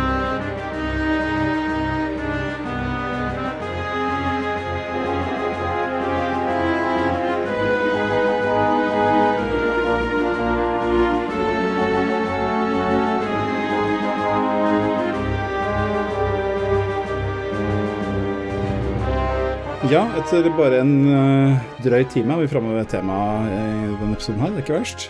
Ny rekord. Jeg vil si vi har vært innom. Vi har titta innom ganske Dyppet tærne i atmosfæren. Ja, vi har ja, det. vi har hatt en ja. gode 40, 40, minutter med temaprat allerede, så folk skal ikke klage. Nei, det kan du si. Altså, vi har jo vært innom Starfield, vært innom No Man's Sky. Vi har vært innom Armored Core 6, som uh, ble påpekt er i verdensrommet. Og så selvfølgelig, det er eh, skarpe hjerner enn meg har påpekt at alle spill per det foregår i verdensrommet, så det er greit. Ja, altså øh, Vi øh... Det er så teit! Nei, men mindre det er sånn ja, men jeg tenker på, vi holder Mitt favorittverdensromspill er minesveiper til Windows. vi Nei, men, går uh, ut ifra at uh, romspillet altså, han, det handler om uh, å fly Spill der du sitter i en cockpit og flyr et romskip, ja. basically. Ja, ja det, oh, oh. det, jeg, jeg, har jeg, jeg vil diagnosere litt. du kan si at jeg har uh... Ja, for jeg lurte jo på om jeg skulle sitte her og gjøre klare lange rants om asteroids og Galaga og sånn, men jeg går ut fra at det kanskje ikke er der vi er. Nei, har vi veldig mye som er usagt om asteroids i 2023, altså? Jeg vet ikke. Sparke gjennom noen åpne dører. Nei, men eh, det, det, jeg kan si, da, at jeg har tenkt eh, Min, eh, min lille tanke her har vært det at liksom, hvilke temaer er det vi forbinder med romspill? Og um, for min del så er det jo Jeg vil kanskje si at det er tre, tre pilarer da, som jeg ser etter i romspill. Det er um, altså romskipkamp, at du kan blæse andre skip. Uh, og så er det handel, at man kan tjene seg rik på å handle ting. Kjøp, mm. kjøp billig, selg dyrt. Det er revolusjonerende, den mm. formelen der. Wow. Og så har vi den tredje som selvfølgelig er utforsking, da. Så jeg har plukka litt uh, forskjellig. Uh, vi har jo nevnt, uh, ja. nevnt No Man's Sky, det har vi. Men så vil jeg også si litt da, om at en ting jeg likte veldig godt med Starfield, for å touche på det igjen, det var det at jeg syns den der ship combat-delen, den minner meg veldig mye om Freelancer som eh, Hmm. er en liten sånn klassiker. Ja. Det kom jo for gode 20 år siden, det òg. Ja. Laga av eh, Er det ikke sjølveste som har laga det? Han som har uh, Det er, bak eh, eh, Mr. Roberts? Ja, det ja. Ja, Chris det Roberts, ja. er Chris, Chris Roberts, ja. Det var det jeg skulle si. Mm. Yes. Som er uh, kjent for dette. Det er uh, Hvis vi kommer tilbake til det, så kan vi ta en liten historie om Chris Roberts, kanskje, for uh, vi kommer innom han flere ganger. Ja, kanskje. Ja, det er et navn. Ja, Det er en guy. Mm. Nei, men altså, for meg da, så er liksom det litt appellen med, med Starfield, er at det er frilanser, bare at du kan gå rundt på planetene. Um, frilanser var jo veldig sånn De hadde en veldig sånn tight kampanje, syns jeg, sånn enspillerdel, hvor du skulle Ja. Uh, ja, løse et mysterium, da. Og så eh, tilfeldigvis så involverte det mye dogfighting i verdensrommet, med akkurat passe dybde, syns jeg. Liksom du måtte velge hvilket skip du skulle ha, og kjøpe gode våpensystemer og sånt, og bruke de litt taktisk. Og så var det selvfølgelig den gode handelsfølelsen, da, hvor du kan gjøre et kupp på en planet og så selge for eh, enorme profitter på på en Mm. annen planet. Som er bare er sånn veldig sånn tilfredsstillende kjerneloop. Og så hadde de der kule uh, Istedenfor fast travel, så hadde de der at du måtte dokke med sånn eh, ja, mass relays, da. Sånn der uh, fast travel, altså sånn turbo highway Ja, ja, de, ja. in space, Ja. ringer. Loading-skjermer, da, i Starfield. Ja! Nei, ja, det, det, det var ikke loading-skjerm, det var faktisk ikke Nei, det var sømløst. real, real time gameplay. Men uh, mm. det henger jo ikke på greip i det hele tatt. Selvfølgelig ikke. Skal du bruke Hvor Nei. mange milliarder på milliarder måtte det koste å bygge de ringene, liksom? Det er, Ja, men så er det at ting oppe i verdensrommet, de beveger seg. Ja, de henger, planeter og sånn er liksom ikke på samme sted hele tida. du kan liksom ikke Som- anke de opp, nei. Pit, pit. Nei. Så det er bare totalt bullshit. Ja, altså, Men, så, ja. men som gameplay så fungerer det. det er, ikke sant? Det er liksom der, Ja. de, Der var det, var det veldig tydelig på at de skulle De skulle kjøre gameplay først. Og så var det alltid veldig kult, for jeg, jeg likte så godt det at når du, altså, du kunne utforske hvor du ville hen, bare det tok lengre tid å fly dit. Og når du kom litt lenger ut i de her lovløse systemene, hvor det var bare pirater og dritt, så var det jo masse bra gear og masse bra ting du kunne kjøpe og sånn noe. Men uh, da var det ikke den der fast travel-greia nødvendigvis. Det var ikke bygd ut så langt. Og så var det jo måtte du liksom fly og navigere sjøl. Det jeg synes det, det er bare Altså, det var jo ikke spesielt dypt, men det var liksom det var akkurat den der sweet spoten, da, med at det var behagelig Ja, også, og spille og mye å utforske. Og så var det liksom nok av utforsking. Det Mm, var eh, mm. litt spennende. Det var sånne nebulas du kunne fly inn i og finne sånne ormehull og plutselig hoppe til et helt annet ødesystem og Mm. Ja, det, det, det, var, det, var, det var kos. Det var stemning. Veldig kos. Ja, for, jeg, for min del så var jo Jeg har jo ikke noe særlig dyp kjennskap til uh, sånne rom, uh, romspill. Men så frilans var vel første av den sjangeren jeg prøvde. Uh, Når kom det? 2006? ja, det må ha vært det. For Jeg jeg, så Det var enda for jeg tidligere. husker Jeg jeg, tidligere, altså. For jeg husker Men det kan hende tidligere. Men jeg husker i hvert fall at når jeg prøvde det, var jo ved Majorstuen. Den der Det var nettkafé oppe i Hva det heter Du vet den lille portal, portalen? Den derre Når du skal gå bort mot Coliseum fra Majorstuen T-banestasjon, så er det Det er vel en pub, og så er det en sånn thai-restaurant som går på andre etasje der. Der var det nettkafé før, skjønner du, og der husker jeg, husker jeg en kompis do. Da tok jeg bare trykket meg gjennom hva slags random spill de hadde der, og da prøvde jeg freelancer, og det var helt sånn herre Jeg husker jeg var, det var helt sånn Mitt første møte med den sjangeren, og jeg var skikkelig imponert over det, men jeg husket ikke hva det het. Eh, Så jeg klarte aldri å finne ut hva det spillet var i ettertid. Ja. mm. Men eh, det var, jeg husker det var jævla fett også. Sånn, eh, det er liksom akkurat det der første gang jeg liksom fløy opp i rommet og fant en av de der eh, Stargatesene og innså at jeg liksom sånn suste av sted sånn, vet ikke, mange lysår eller et eller annet. Det var liksom sånn, Ja. det var en skala av spill jeg liksom ikke hadde sett, ikke hadde sett før. Mm. Kan for øvrig bare opplyse om at det kom i 2000. ja. Mm. Nei, 2003. 2000, tror jeg. Det, jeg, altså, poenget ja, jeg jeg, jeg, husker- googla det, jeg, òg. jeg fant Ja, men jeg, det er det, for det må være 2000, for at jeg, jeg spilte det da jeg bodde Da jeg studerte på Gjøvik, og det var 2000-2001.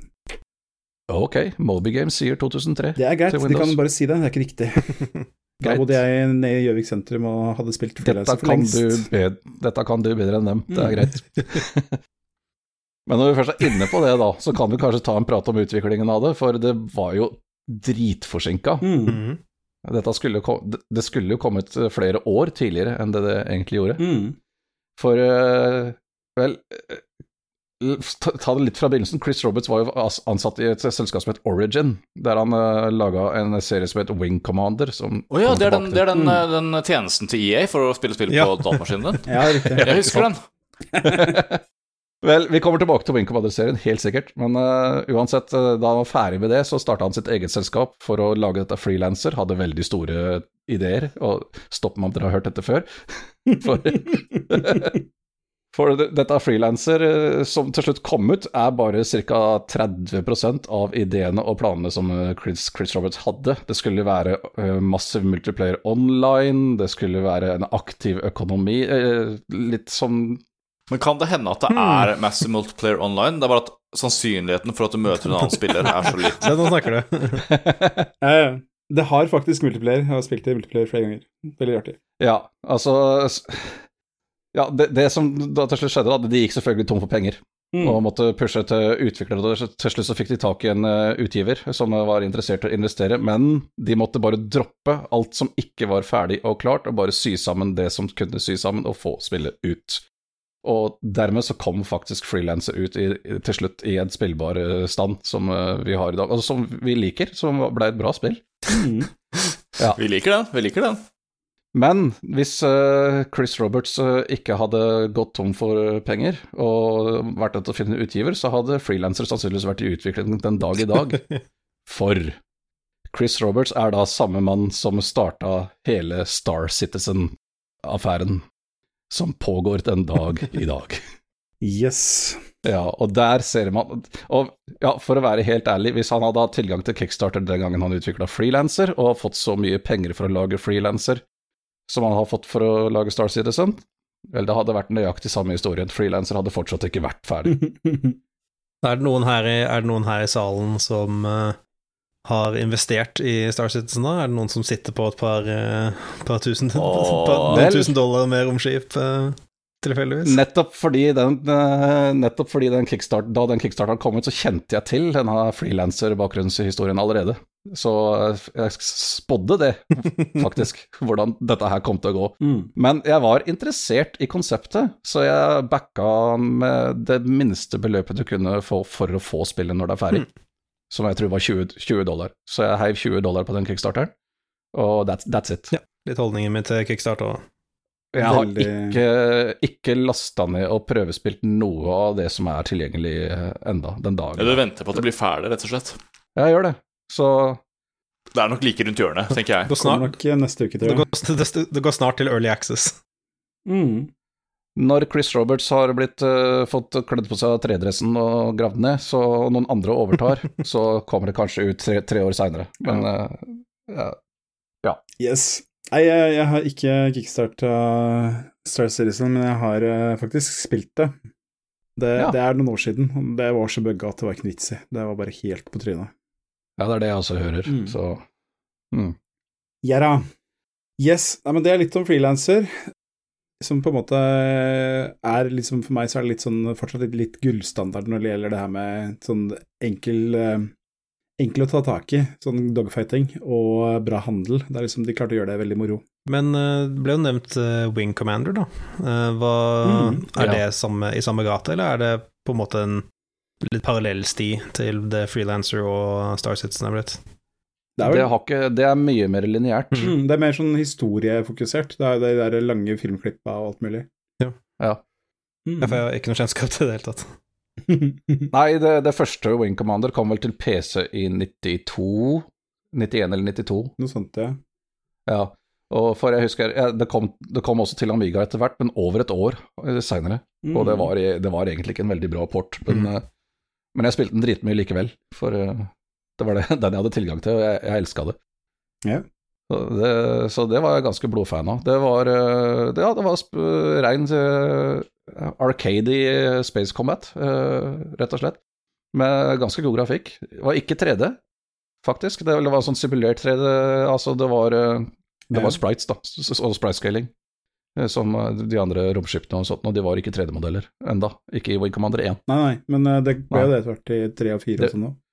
Ja, de blei det. Mm. Og det er det som er greia, da, at uh, Ja, Wing Commander 2 kom ut, det kom ikke til Amiga, så det fikk jeg aldri spilt.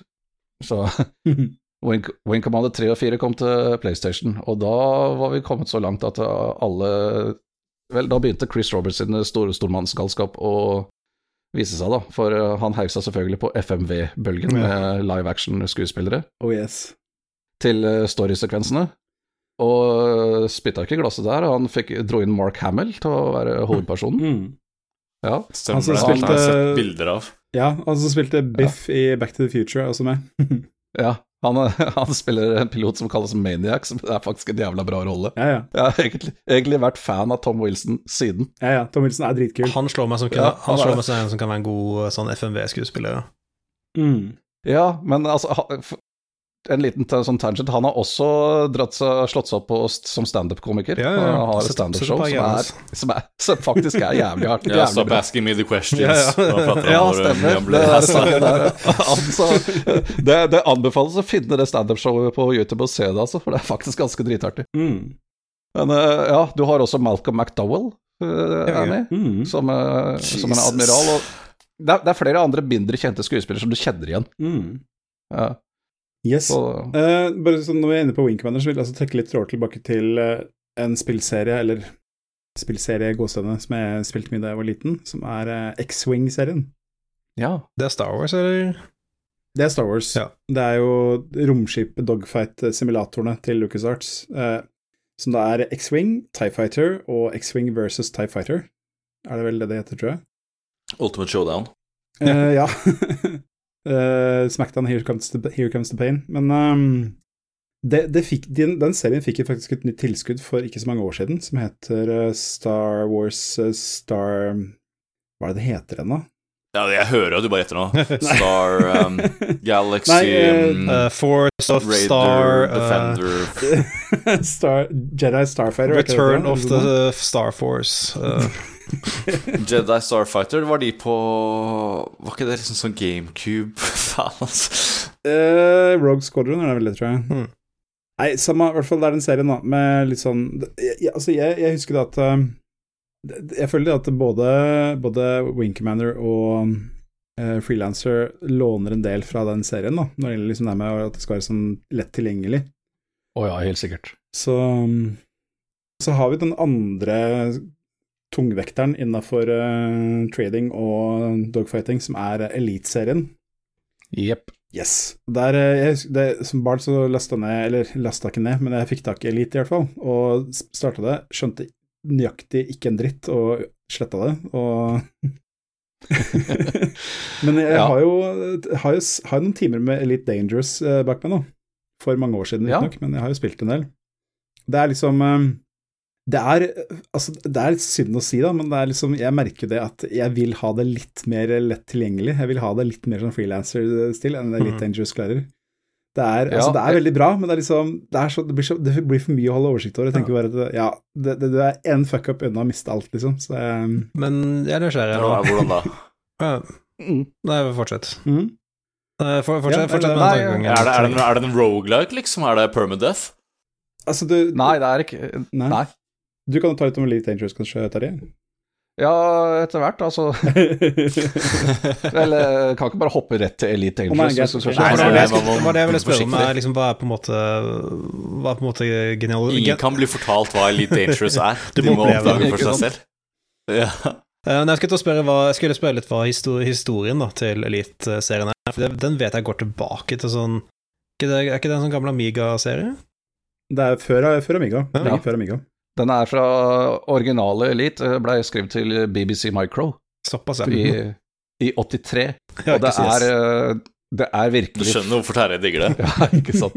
Det er virkelig forfaderen til eh, disse her er sånn eh, romutforskning og dogfighting og sånt, og det, de, det var først, Mm. faktisk.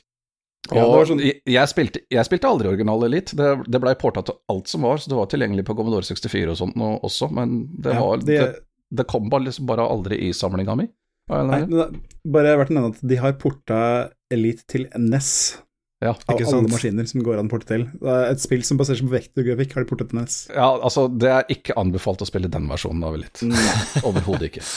Men det jeg gjorde, var å spille Frontier Elite 2, Mhm. på, og det kom på Amiga. Ja. Ja, og det, jeg har egentlig snakka en del om det tidligere i uh, en Spill fra barndommen-episode som vi har hatt for en Ja, så da får du ikke lov til å prate med lenger. Ha det. Nei, jeg kan ikke det. Men uh, det, var, det, var, virkelig en tidlig versjon av uh, en ordentlig åpen verden.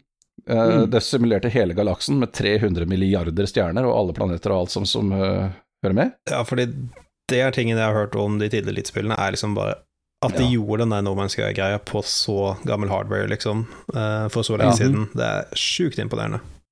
Det er veldig, Mye, det er veldig mye generering, selvfølgelig. Selvfølgelig. Mm.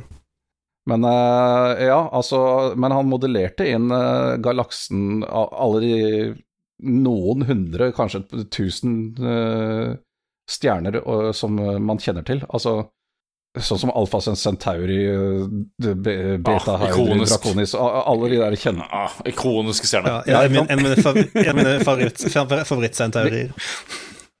Ja. Nei, men altså, hvis du har litt eh, peiling på stjernehimmelen, så alle de kjente stjernene sånn, er, er, eh, der, er, er, der de skal være i spillet.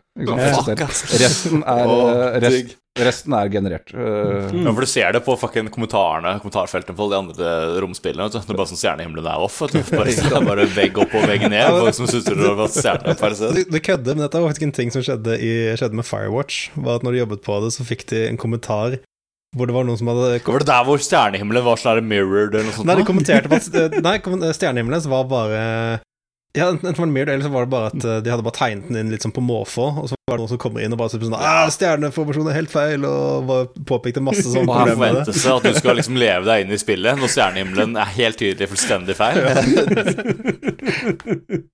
Men ja, uansett, uh, Elite 2 var i hvert fall Alle planeter og solsystemet var actual size, realistisk størrelse. Mm. Og mm. For, for, å reise fra sted til sted så måtte du faktisk måtte speede opp tiden i spillet. Du kunne liksom sette opp hastigheten på spillet med 10 000 ganger virkelig hastighet for, for, å komme deg fort fra sted til sted. Ja, fordi, ellers, så, ja. ellers, så, det tok, ellers, så, tok, det faktisk flere dager, realtime dager, å fly fly. Altså. Ja, for jeg tror det, Men uh, det tror du ble plassert til ja. ja, fordi det, det er det jeg syns er, liksom, er, imponerende med, med, det, er ikke bare at de klarte å ha et så stort univers uh, på, et så gammelt spill, men for jeg kan liksom se på meg at ah, okay, hvis du har en smart nok sånn algoritme, liksom, så kan du, kan du sikkert random-generere sånn milliarder, milliarder, av planeter, liksom. Det er, det er bare liksom sånn den terministisk støyalgoritme, liksom. Men det at de faktisk mm. modellerte inn eksisterende planetkart og sånne ting, eh, eller stjernekart og sånne ting, det, det, skjønner jeg ikke helt hvordan de fikk til engang, når de hadde sånn, hva for noe, fire kilobyte med, med minne, liksom. Ikke sant? Yes. Nei, eh, på Amiga så hadde du litt mer, da. Du hadde en hel, megabyte, ja. en hel megabyte med ram. wow, holy shit. ja. Men uh, spillet kom på én diskett, og fyller ikke hele disketten engang. Jeg tror mm. executablen er på 350 kilobyte eller noe sånt. Det er helt, oh my god. Så, du styla på dem. Liksom. Det, er liksom sånn, det er en 360 moonwalker ut av uh, når du ikke engang fyller uh, disketten. Ja, ja. Nei, det, det, er jo, det er jo tilfellet. Det er uh, trolldom, den, den, koden der, altså. Det, ja, Braben brukte åtte år på å utvikle det spillet der. Det kan jeg tenke meg. Er, ja, så, for det er et one man show. Bortsett fra at han fikk hjelp med noe grafikk og musikk, så ellers er det et one man show. Mm. Så, men ja, det er åpen verden. Du blir plassert i dette universet med et romskip. Det er ingen historie å følge, ingenting. Det altså, eneste er motivasjonen er å bli en elitepilot. Du har en sånn rangering. Du starter som harmless og rangerer deg opp til mostly harmless, og etter hvert så blir du blant annet dangerous, derav tittelen til dette fjerde spillet. Som oh, ja. Mm. Mm. Yes, og er, du kunne gjøre alt, liksom bounty hunt, gjøre oppdrag for militære, gjøre oppdrag for sivile, transportere frakt og passasjerer, whatever, ikke sant. Mm. Sto bare fritt til å gjøre akkurat det du vil. For mange var det bare overveldende og fikk ikke gjort noe. Mm. Så eh, Elite 3 kom bare et par år seinere, det var egentlig bare Elite 2 versjon 1. Mm. Eller versjon 2.1, egentlig. Det var en grafisk oppdatering, basically. Mye det samme spillet. Mm. Men uh, Elite Dangerous er jo en betraktelig oppgradering, da. Det må sies. Det er en betraktelig oppgradering, men det kommer jo da også 20 år senere. Ja, selvfølgelig. Så ja. det skulle bare mangle. Det tok litt tid, da, men de jobba på det sammenhengende. Mm. Eh, vel, han, det er vi som var veldig glad i Elite og venta og venta og venta på Elite 4. Han annonserte jo at de hadde begynt å kikke på det allerede ganske tidlig, sånn på midten av 90-tallet eller sånt noe. Og så kommenterte han det aldri igjen. noensinne. Han svarte ikke på spørsmål uh, fra noen. Uh, altså, vi som venta på Elite 4, vi visste ikke et puck. Vi visste ikke om det var under utvikling eller uh, noe. Vi bare Ja, jeg, jeg også med jevne mellomrom googla og tråla internett etter, etter nyheter om Elite 4 innimellom. Til det bare plutselig dukka opp på Kickstarter en dag i 2012. Og, ja. Det er, samme, det er samme karen som er bak de originale Elite-spillene som fremdeles seg bak rattet, liksom? Ja, Yes. David Braben er den Det de, heter nå Frontier Developments. Ja, okay. Det er tatt navnet fra Elite 2 Frontier, Frontier mm faktisk. Og ja, det er David Braben som sitter i hovedsetet fortsatt der. Mm. Mm. Så ja, Elite Dangerous ble kickstarta i 2012. Jeg heiv meg rett på. Ja, Ganske høy, en ganske høy tier, faktisk. Jeg fikk en Collectors Edition-boks med masse ræl og har lifetime pass på alle ekspansjoner og alt som kommer til, oh. til det spillet. Så. Nei, for det er jo sånn yep. uh, Elite jeg har vært på listen min en stund. Og de, altså jeg har, jeg har, prøvd det et par ganger. Uh, første gang jeg prøvde, var vel bare denne VR-demoen de lagde. Uh, ja. Det var ganske Altså, det var ganske fett, altså. Sånn uh, sitte i, mm. sitte i en cockpit og bare suse rundt i et asteroidebelte. det var i flere ja i flere år så var det grunn nummer én til å ha et VR-headset ja, ja. for å spille Elite Dangerous. Det er ikke tull mm. engang. Mm. Men ja, som uh, Trygve sier, det var en kjempeoppdatering. Det, det er, uh, Elite Dangerous er så svært at det er uh, vanskelig å beskrive. Men er det sånn, er det multiplayer, eller er det, eller er det singleplayer? Ja, det er et massivt multiplayer online game. Mm. Men du kan spille Jeg er ikke noe glad i massivt multiplayer online-spill. Så, men du kan spille det i en solo-mode, mm. som gjør at du da, da møter Du treffer aldri andre spillere noensinne. Ja. Du er bare en, PC, ja, bare men du er fortsatt i det online-universet. Ja. Og Nei, fordi det En del om å forholde deg til det. Ja, for det var liksom det Det er liksom det jeg fryktet litt, grann, uh, er Hvis jeg skal plukke det opp nå, etter at det har vært ute i ja, over ti år nå, kommer jeg til å møte på bare sånn turbosvettinger som har sånn der eh, EVE Online-autismehjerne eh, og et gigantisk sånn regneark med, med liksom sånn Nei. Nå er det ganske mange år siden jeg ga det opp av mm. grunner. Så det er vel fem år siden sist jeg spilte det nå. Men uh, det er virkelig på det sterkeste anbefalt å bare spille det i solo-mode mm. til du har uh, blitt vant til det. For uh, å trolle newbies uh, og ganke newbies er en veldig kjent og stort yep. problem det var, det, var, det var, mitt første møte med EVE Online også, hvis du husker riktig. Var at jeg bare ja. sånn, Jeg bare sånn, jeg skal bare kjøre litt rundt jeg, og ta det rolig, og så bare kommer noen sjørøvere eller men, Jeg er usikker på om det var spillere eller om det bare var NPC, men jeg ble i hvert fall ganske kraftig eid. Men sjøl om jeg mm. stort sett bare spilte det i solo-mode, så er det mye fordi det er et MMO i, i bunn og grunn ja, ja. som gjorde at jeg til slutt ikke orka det mer. Mm. For uh, ja, da kickstarteren kom, så, jeg så Elite 4 kickstarter Ja! Ikke sant? Mm. Og så den neste setningen, eller første setningen Og det er et massivt multiplayer online-spill. Nei! Oh. så, men, så, problemet er da at uh, det er en eh, grind. Det er en helvetes grind. Det er jo den typiske MMO-grinden. Det tar så jæsklig lang tid å bygge seg opp noe som helst av verdi i det spillet der. Det tar så fuckings dritlang tid. Som da er veldig typisk for, eh, for MMO-er. Altså, det er jo ikke balansert for å være et singleplayerspill i Nei. det hele tatt. Så Uh, vel, å tjene seg opp masse penger og bygge seg opp og få seg et skikkelig digert og flott og fancy skip, du, det ga jeg faktisk ganske tidlig opp. Jeg gikk heller inn for uh, å bare uh, fly rundt og utforske universet, utforske øde planeter og sånne ting, som jeg, som jeg syntes var kos, da. Og, og dreiv mye med det i veldig mange veldig mye av spilletida mi. Jeg, jeg endte vel opp med å ha en sånn 600-700 timer til, til, slutt i det, før jeg ga det mm. det er, men det er folk som har bikka tusenvis. Jeg tror det er sikkert folk som har bikka, som har bikka 10 000 timer i dette her nå, på, det, på dette tidspunktet. Yep. Og det er Men det er også et spill som du blir egentlig bare plassert i en romstasjon med et romskip og litt penger, og gjør whatever. Absolutt hva du vil. Utforsking, eh, ja, bounty hunting. Samme som tidligere, egentlig. Mm. Men ja, det, det, er så mye systemer, og kontroller, ikke minst. Mm. Så, så, det er eh, Det er ikke fullt så hardt som eh, andre romspill som virkelig går eh, all out på liksom, vel, gåseøyne realisme og fysikk og sånt noe, men Elite Dangerous er relativt hardt for det, altså. Mm. Mm. Du, du, trenger, trenger i hvert fall uh, en slags joystick-ting. Altså, jeg brukte gamepad, det ja. funker det òg. Men du må ha tastatur i tillegg. Det er Ikke bare det. det. Det, er ikke valgfritt. Og mus. Mm. Ja, for det var det som var ganske fett for min del når jeg prøvde det i VR, var jo at den cockpit joysticken og mm. thrusteren var ganske lik, ganske lik layout som den derre han er basic at han er Thrustmaster er. Det var det vi hadde, ja, det var det vi hadde der jeg testet det, og det var, sånn, det var en ganske magisk følelse å se sånn in game-stikka og thrusteren beveger seg synkront med den jeg hadde, hadde i virkeligheten. det er alltid et veldig veldig bra triks i VR, da, Samme med, samme med ratt og bilspill. Ja. Jeg, eh, jeg, kjøpte det som er entry level flightsticken av de bra flightstickene, det er en Cytec X52. Mm -hmm. Og den kosta vel et, en sånn 1200 eller 1500 kroner. Ja, det er, og det er sett på som entry level. Altså de, de liksom gode og de, de stykkene som blir sett på som rimelige gode stykker, er oppe i en 5000-6000 kronersklassen. Ikke sant? Yes. Men selv om jeg hadde den stikka som hadde liksom sånn 35 uh, kontroller eller sånt noe piss, så jeg, har jeg likevel tastatur i nærheten. Jeg har musa i nærheten og bruker den til funksjoner, og jeg har en gamepad i nærheten som jeg bruker også i tillegg mm. til alt det der.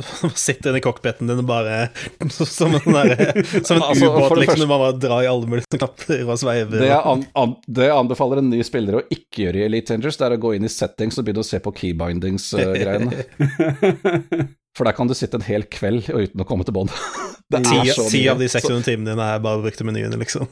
Ja, ikke sant. Så mm. ikke, ikke eh, Du kommer bare til å bli put off med en gang og bare slå det av. Vet du hva, jeg kan ikke begynne på det her. Yes. Så, men det som, det som ødela det for meg, som sagt, var at det, det ble til syvende og sist et MMO likevel. For Vel, jeg, jeg vurderte jo ikke backe det i det hele tatt. Jeg leste at det skulle være et MMO, men så var jo det neste som kom, at det skulle være Men det skulle ikke være som et tradisjonelt MMO, det skulle fortsatt handle om deg, den ene piloten. Ikke sant? Det skulle ikke være store sånne klansystemer og, og sånne ting, egentlig.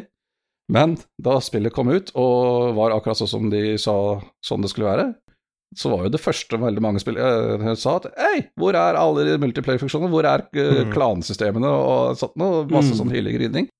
Så eh, spillet endra gradvis retning til å bli mye mer multiplayer-fokusert enn det det opprinnelig var ment å være. Og det var Den utviklinga gikk i feil retning for min del, rett og slett. Og det jeg må jo bare respektere det. Det er et marked som businessvalg, det. Så at det var den rette veien for de å gå, og det, det passa dessverre ikke for meg. Så jeg følger, mm. med, følger fortsatt med på uh, hvilke oppdateringer og sånne som kommer. Om det kan være interessant å hoppe tilbake og så se det, men hittil så har det ikke vært det. Dessverre. Nei. Mm. Heldigvis har du Star, uh, Starfield, da. Oh, ja. ja, ikke sant. Ja. Jeg tenker bare en ting, en ting, jeg vil bare sveipe litt innom før vi går litt videre til neste spæl. Det er um, et som er et absurd nok et kjært minne for meg fra barndommen. Det er et spill som heter The Adventures of Rad Gravity. hvor du da Du flyr romskip, men det er ikke det som er fokuset. Det er et plattformspill til NES, hvor du da skal utforske mange forskjellige planeter det jeg husker var så, var så, kult med det spillet da jeg var liten, er at eh, for det første så er plottet litt kult. Det er sånn, du, du, står ganske fritt til å besøke forskjellige planeter, og så må du låse opp eh, Du må finne hemmeligheter for å låse opp de ulike planetene. Men så er det sånn at hver planet er jo ulik, hvor du har forskjellig gravitasjon og sånne ting. Og så er det ett, eh, en planet hvor gravitasjonen er omvendt, så du går opp ned i taket. Så var det kult ja. triks på den tida. Mm. Er det tyngdekraft du mener tilfeldigvis, mister norsklærer? Kom til 1990, samme som meg. Ja, ikke sant.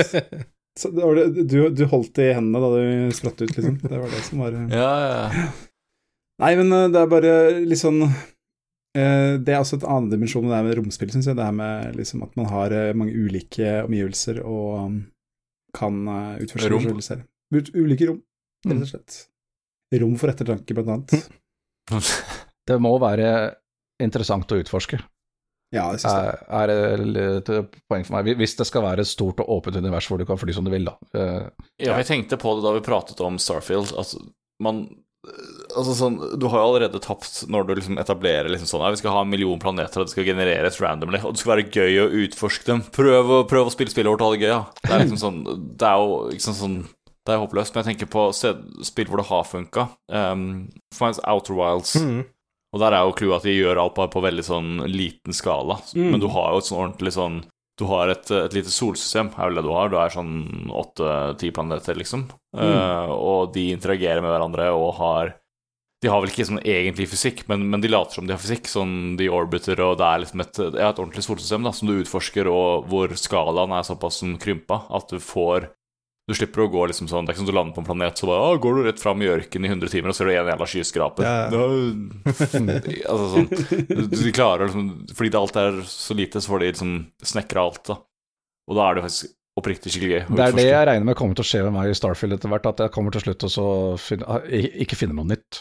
At jeg kommer til å spille i flere timer og bare se de samme tingene igjen og igjen og igjen, og igjen, og da, da er nok jeg ferdig med Starfield, Yeah. På et eller annet tidspunkt så får du nok av det, liksom. Ja. du gjør jo det. Mm. Jeg, altså, jeg har ikke spilt det, og jeg har allerede fått nok, så jeg, jeg hører det loud and clear. Altså, hvis jeg, jeg trenger Den basen jeg allerede har vært i fem ganger, hvis jeg trenger sånn 10-15 ganger til, så tenker jeg det jeg gjør det. Ja, Men hva om det er en annen gråtone, da, Terje? Blir ikke det litt som besøk Det er jo fader ikke det engang! Hva om det ligger en annen sandwich i det ene skapet? Kanskje det er litt som Nope. på et helt nytt eventyr? Nope. Ja. Mm. Det jeg prøver å huske, er eh, navnet på Altså, vi prater mye om handel og dogfighting og, og alt det der. Det jeg prøver å huske, er det derre Husker du hva heter det derre truckingspillet? Det der Space Trucker-spillet? Nicholas? For jeg tenkte på det samme. Ja. For det, det er Ja. ikke det som heter Space Trucker, for det er noe eget. Ja. Men jeg tror Rebel Galaxy Det Ja, var det. Galaxy. Ja, Rebel. Galaxy, ja. Yes. Ja, ja, ja, ja, ja Ja, selvfølgelig. ja, ja. Der var For det fikk en oppfølger som var For, for det vanlige Rebel Galaxy var liksom, det var en ganske sånn kul løsning. For det var liksom et indie-romskipsspill hvor du hadde mye av det samme greiene med liksom uh, commerce og du, du reiser rundt og skjøt folk og kjøpte ting og solgte ting og sånn. uh, men så var alt lagt på liksom sånn Det var litt som et sånn eh, Alt var på samme plan, da. Du kunne liksom Ja. ikke gå opp og ned. Var det som var Ja, sånn. Stemmer. Det var sånn Sånn, 2D-plan, og Mm. ship combaten var du, du kjørte Du fløy jo litt store skip, da. Så, sånn Capital Class-skip, eh, nesten. Og du, Mm. måtte drive og sånn, navigere rundt i et 2D-plan og så fyre av broadsides. Så Ja, ikke sant? Ja, ja, ja. den var- det syns jeg var det var kult. veldig inspirert av Assassin's Creed Black Flag, faktisk. Ja, ja, ja.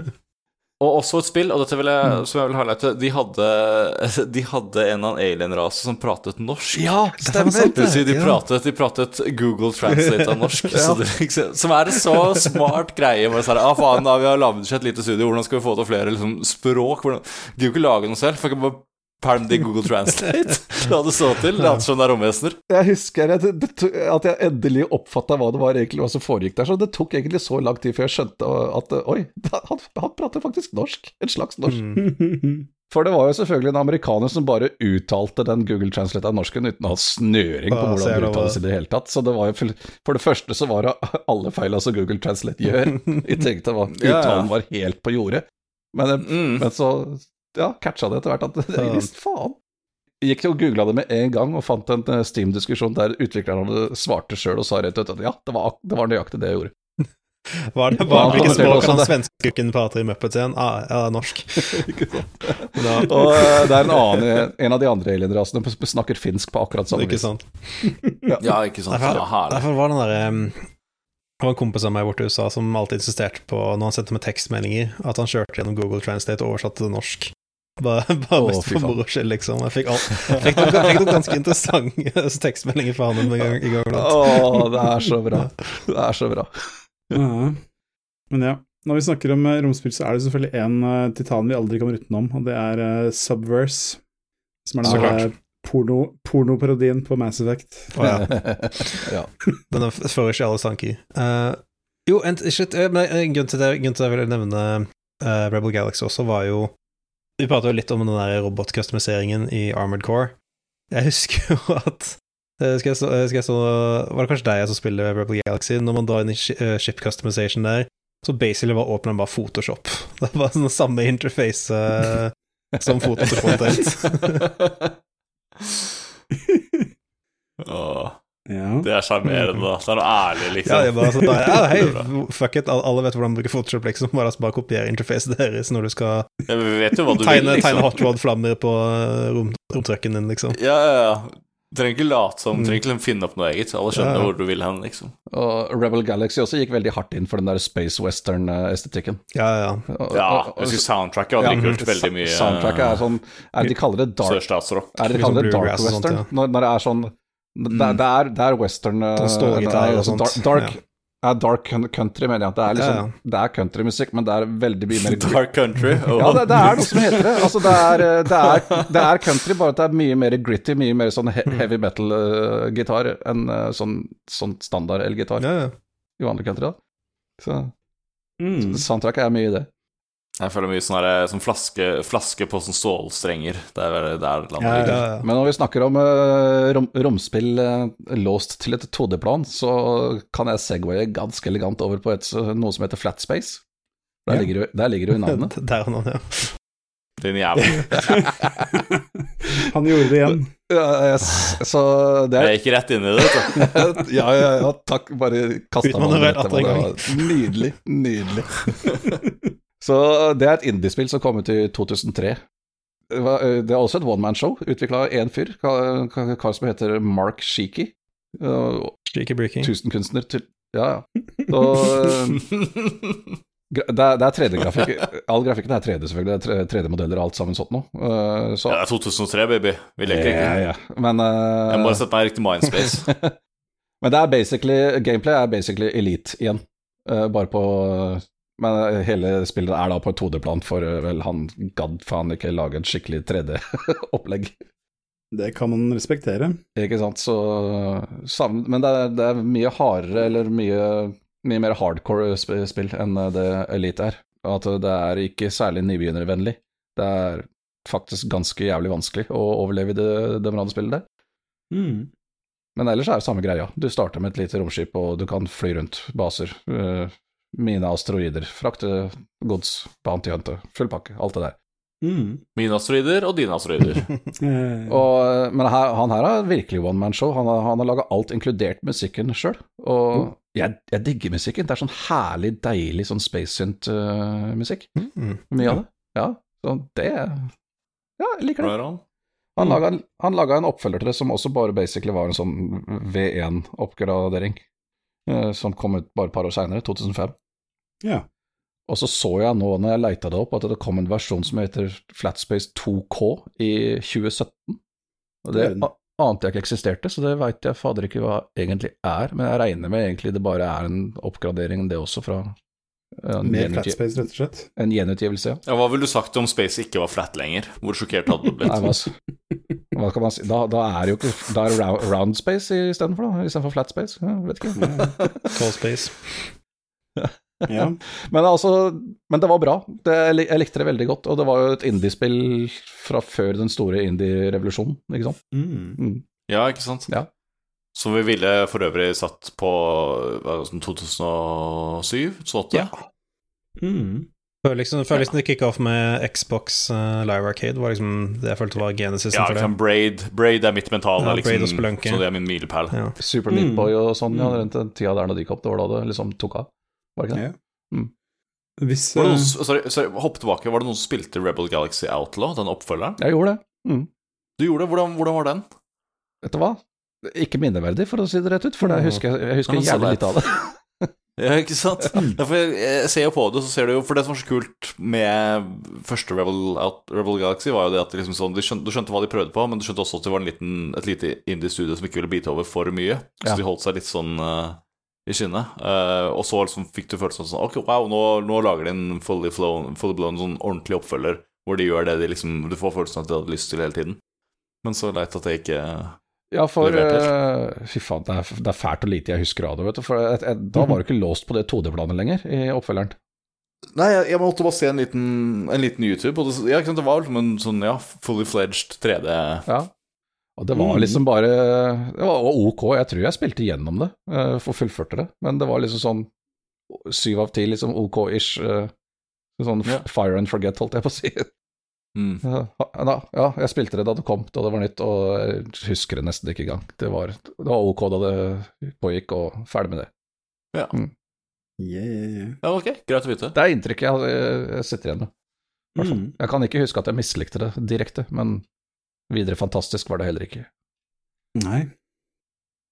Men eh, hvis vi skal prøve oss litt på å oppsummere litt rann, altså Nå har vi nevnt litt det her med litt sånn pilarer, da, at med dogfighting, eh, handel og utforsking. Er det, føler du at det liksom er noe mer å hente i, eh, romspill under sjangeren. Altså, hvis vi holder oss Nei, altså Med mindre vi har lyst til å begynne å branche ut til ting som Stellaris og Neptunes Pride og sånne ting, så Ja, ja. Neptunes Pride. Neptunes. Pride, Cirka altså. annethvert år så graver jeg fram den Rock Paper Shotgun-pisen, hvor de spilte det mm, sammen, mm, og mm. liksom skrev dagbok, og så leser jeg den, så koser jeg Det er så god. Ja, det, er, det er så vakkert. For det der når folk begynner å innse at liksom sånn derre Å ja, jeg kan ikke spille dette spillet sånn in real time, jeg må sette vekkerklokka på halv fem, Ja, ja. så jeg kan gjøre moves. gjør bakgrunnsangrep og Jeg vil veldig gjerne at det skal komme et uh, Elite Dangerous-lignende spill som er uh, mer, uh, mer accessible da, for, mm. for folk flest, og også balansert mer for en uh, normal singleplayer-opplevelse, sånn at de ikke Mhm. forventer at folk skal spille det særlig mer enn 100 timer. ikke sant? Ja. Men hva er liksom sånn, i dine øyne, Terje, hva, hva er liksom det ideelle sånn romfartsspillet? Er det liksom sånn at uh, mekanikkene og alt sånt grunnleggende er gøy nok til at du bare har lyst til å sånn, trade og kjøre frakteskip frem og tilbake i 2000 timer, liksom? Eller trenger Ja. du en gripende historie, eller Nei, ikke i det hele tatt. Jeg, jeg vil absolutt ikke ha en historie der i det hele tatt. Kanskje ha et lite insentiv, et mål å nå. Sånn som mm. uh, Elitespill altså, har jo så stemt disse her uh, kategoriene, da. Originalt så var det bare én én vei å gå, det var combat, liksom. Det eneste måten du ranka opp på, var å skyte ned andre skip, sjøl om spillet også handla om å utforske og handle og alt det der. Så Mm. den eneste måten å ranke opp og til slutt bli elite, var bare å skyte ned andre skip. Og, Det er det voldsfokuserte samfunnet. ja, ikke sant. Og det, det var faktisk ikke før i Elite Dangerous at de utvida det, som nå er en uh, Merchant-tre å klatre opp og få titler i. Det er også et Exploration-tre å klatre opp og få titler i. Mm. Og allerede fra Elite 2 så kunne du også rank, ranke opp i de forskjellige militære. Det er jo flere større faksjoner med hvert sitt eh, militære som du kan gjøre jobber for og ranke opp i. Det, er, det kan være liksom insentiver da, for å spille, for å drive og ranke opp sånn. Eller rett og slett bare tjene seg opp masse penger og bare få det største, kuleste beistet av et skip yeah. som Yeah. eksisterer i galaksen, f.eks. for eksempel. Sånne ting. Ja. Bare, bare, bare ha et insentiv der, for å så, så er det alt jeg trenger. Og ser for meg sånn romhotrodding, hvor man liksom bare super opp uh, romskipene sine, og så kan man gjøre drag races eh, rundt en planet, liksom. Ikke sant? Og jeg liker også at uh, fysikken og sånt nå er relativt realistisk. Den trenger ikke være 100% realistisk, for det er fuckings vanskelig å fly et, øh, Yes. fly et ordentlig Newtonian romskip. Det, mm. I de gamle Elite 2 og 3 så er de det. 100 øh. Hvordan åh, Jeg er nesten redd for å spørre. ja. Hvordan utarter det seg sånn konkret, liksom? Har du noen sånne spesifikke eksempler på Altså hver eneste bevegelse du, du starter, fortsetter til du stopper den igjen med en sånn motreaksjon, ikke sant? Mm. Så, Ja. ja. Det er jo genuint faktisk litt hvordan Outer Wilds gjør det. Altså, du sa jo at uh, de hevdet at de simulerte alt, men de gjorde jo for så vidt det. Altså, du merker jo når du Hvis den der svære vannplaneten kommer, forbi, kommer susende forbi mens du kjører, så merker du at du blir dratt eh, av kurs og sånne ting. Mm. Og så hadde, mm. og så hadde jo også de kule uh, På den første planeten så hadde de der uh, De der kulene som bare lå i en sånn ballbinge, og de ble liksom dratt rundt omkring av tyngdekraften av de forskjellige planetene, liksom. Så de to faktisk også Stemmer simulerte hele Ja. skiten. Ja, ja. var, rett, jeg var uh, avfeid. Ja, ja. Sånn, det fordi, liksom sånn, fordi det er liksom litt sånn lukket Mm. miljø, så er det sånn Jeg tipper liksom, de, de jukser nok en del av liksom, det, fys det fysikken i det, liksom, Uh, som de må. Uh, men eh, det funker jo, de selger det 100 liksom, så du tenker ikke noe over det når du spiller. Det er jo et av de beste spillene noensinne. Slåss med meg, altså. Jeg er klar. At meg gjerne. Men altså, Elite Angels også har veldig mye av den realistiske og ekte fysikken der, men de har gjort noen concessions for at det skal fungere som et MMO også. Og, Ikke sant? For- og, det går an å spille det, liksom. ja, ikke sant? For Mm, at, folk, for at folk skal kunne møtes og dogfighte hverandre, så har eh, for, eh, Når det er eh, nede i real space, da, for å si Vel, eh, som jeg sa i stad, i originalen så var det jo sånn at det tok faktisk fire ekte dager å fly fra sted til sted, og du måtte bare sette opp hastigheten spillet gikk i. Sånn, sånn kan du ikke gjøre det i et MMO, så du har selvfølgelig noe sånn uh, warp speed-opplegg. Frameshift drive heter det vel i, i Elite Dangerous. Men når, du dropp, men når du dropper ned i, i, i real space, da, så har romskipet ditt toppfart, eksempel. Du kan akselerere opp til en viss hastighet, og så går det ikke fortere. Uh, hæ? Det er jo ikke Akkurat som i virkeligheten. Ja, akkurat som i virkeligheten, da. Eller ikke. Det er luft mot sanden, vet du. Og, og det, men, Du må eh, jobbe på aerodynamikken. men utover, det, så, utover det så er det jo sånn at hvis du slår av alle hjelpemidlene Det, det er jo massevis av sånne hjelpemidler eh, så, som gjør at det skal være lettere å fly disse robotskipa, men slår du alt dette av, ja, så er det helt jævlig å fly det igjen, fordi da, da bare spinner du romskipet ditt én vei, så bare, bare gjør du motspinn når det blir stoppet igjen, ikke sant? Jeg må innrømme at jeg forventet at den setningen skulle gå i en annen retning. Altså. Ja, det er eh, så jævlig mye innstillinger i det spillet som du kan stille inn på for å få det til å fungere sånn som du vil, men eh, Mm.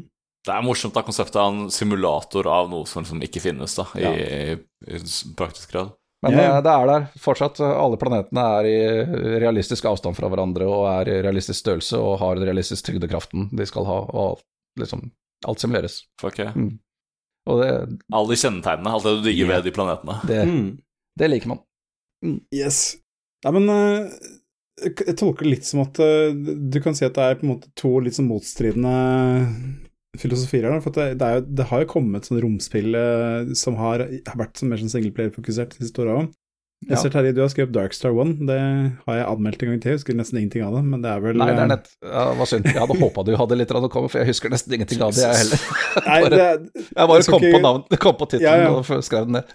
skal ikke komme, gå langt inn på Darkstar One, men det er jo frilanser, bare mer historiefokus. Um, Ja. kort fortalt. Og så kom dette for et par år siden, som jeg ikke klarer å huske hva het. Det er noe sånn derre Haven, Echo, eh, Or- Oracle, et eller annet, et eller annet sånt piss, som er noe i samme gata.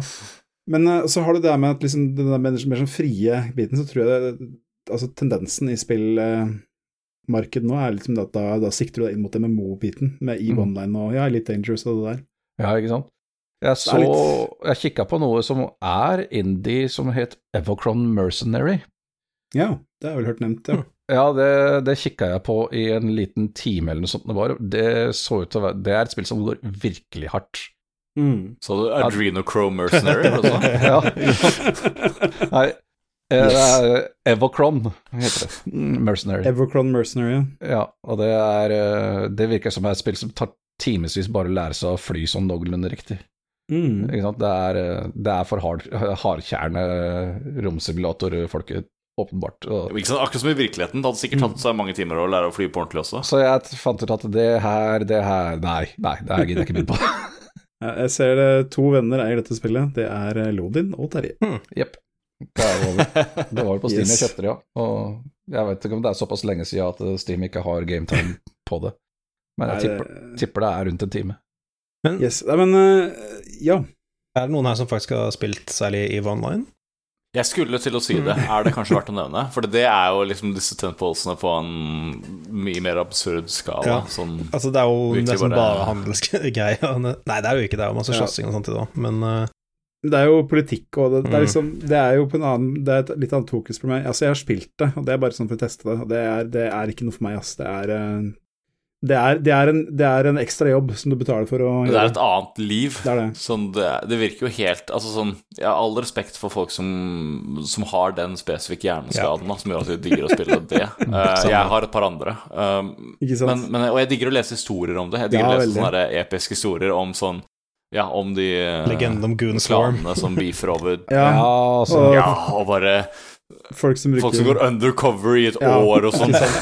Gigantiske space battles som har kosta hundretusenvis av dollar i, virkelig verdi. Ja, ja. Mm. Ja, det er så, det Det er så bra. helt- var, Og utvikleren måtte skru på time dilation, for, for det var så for mange folk på ett sted samtidig.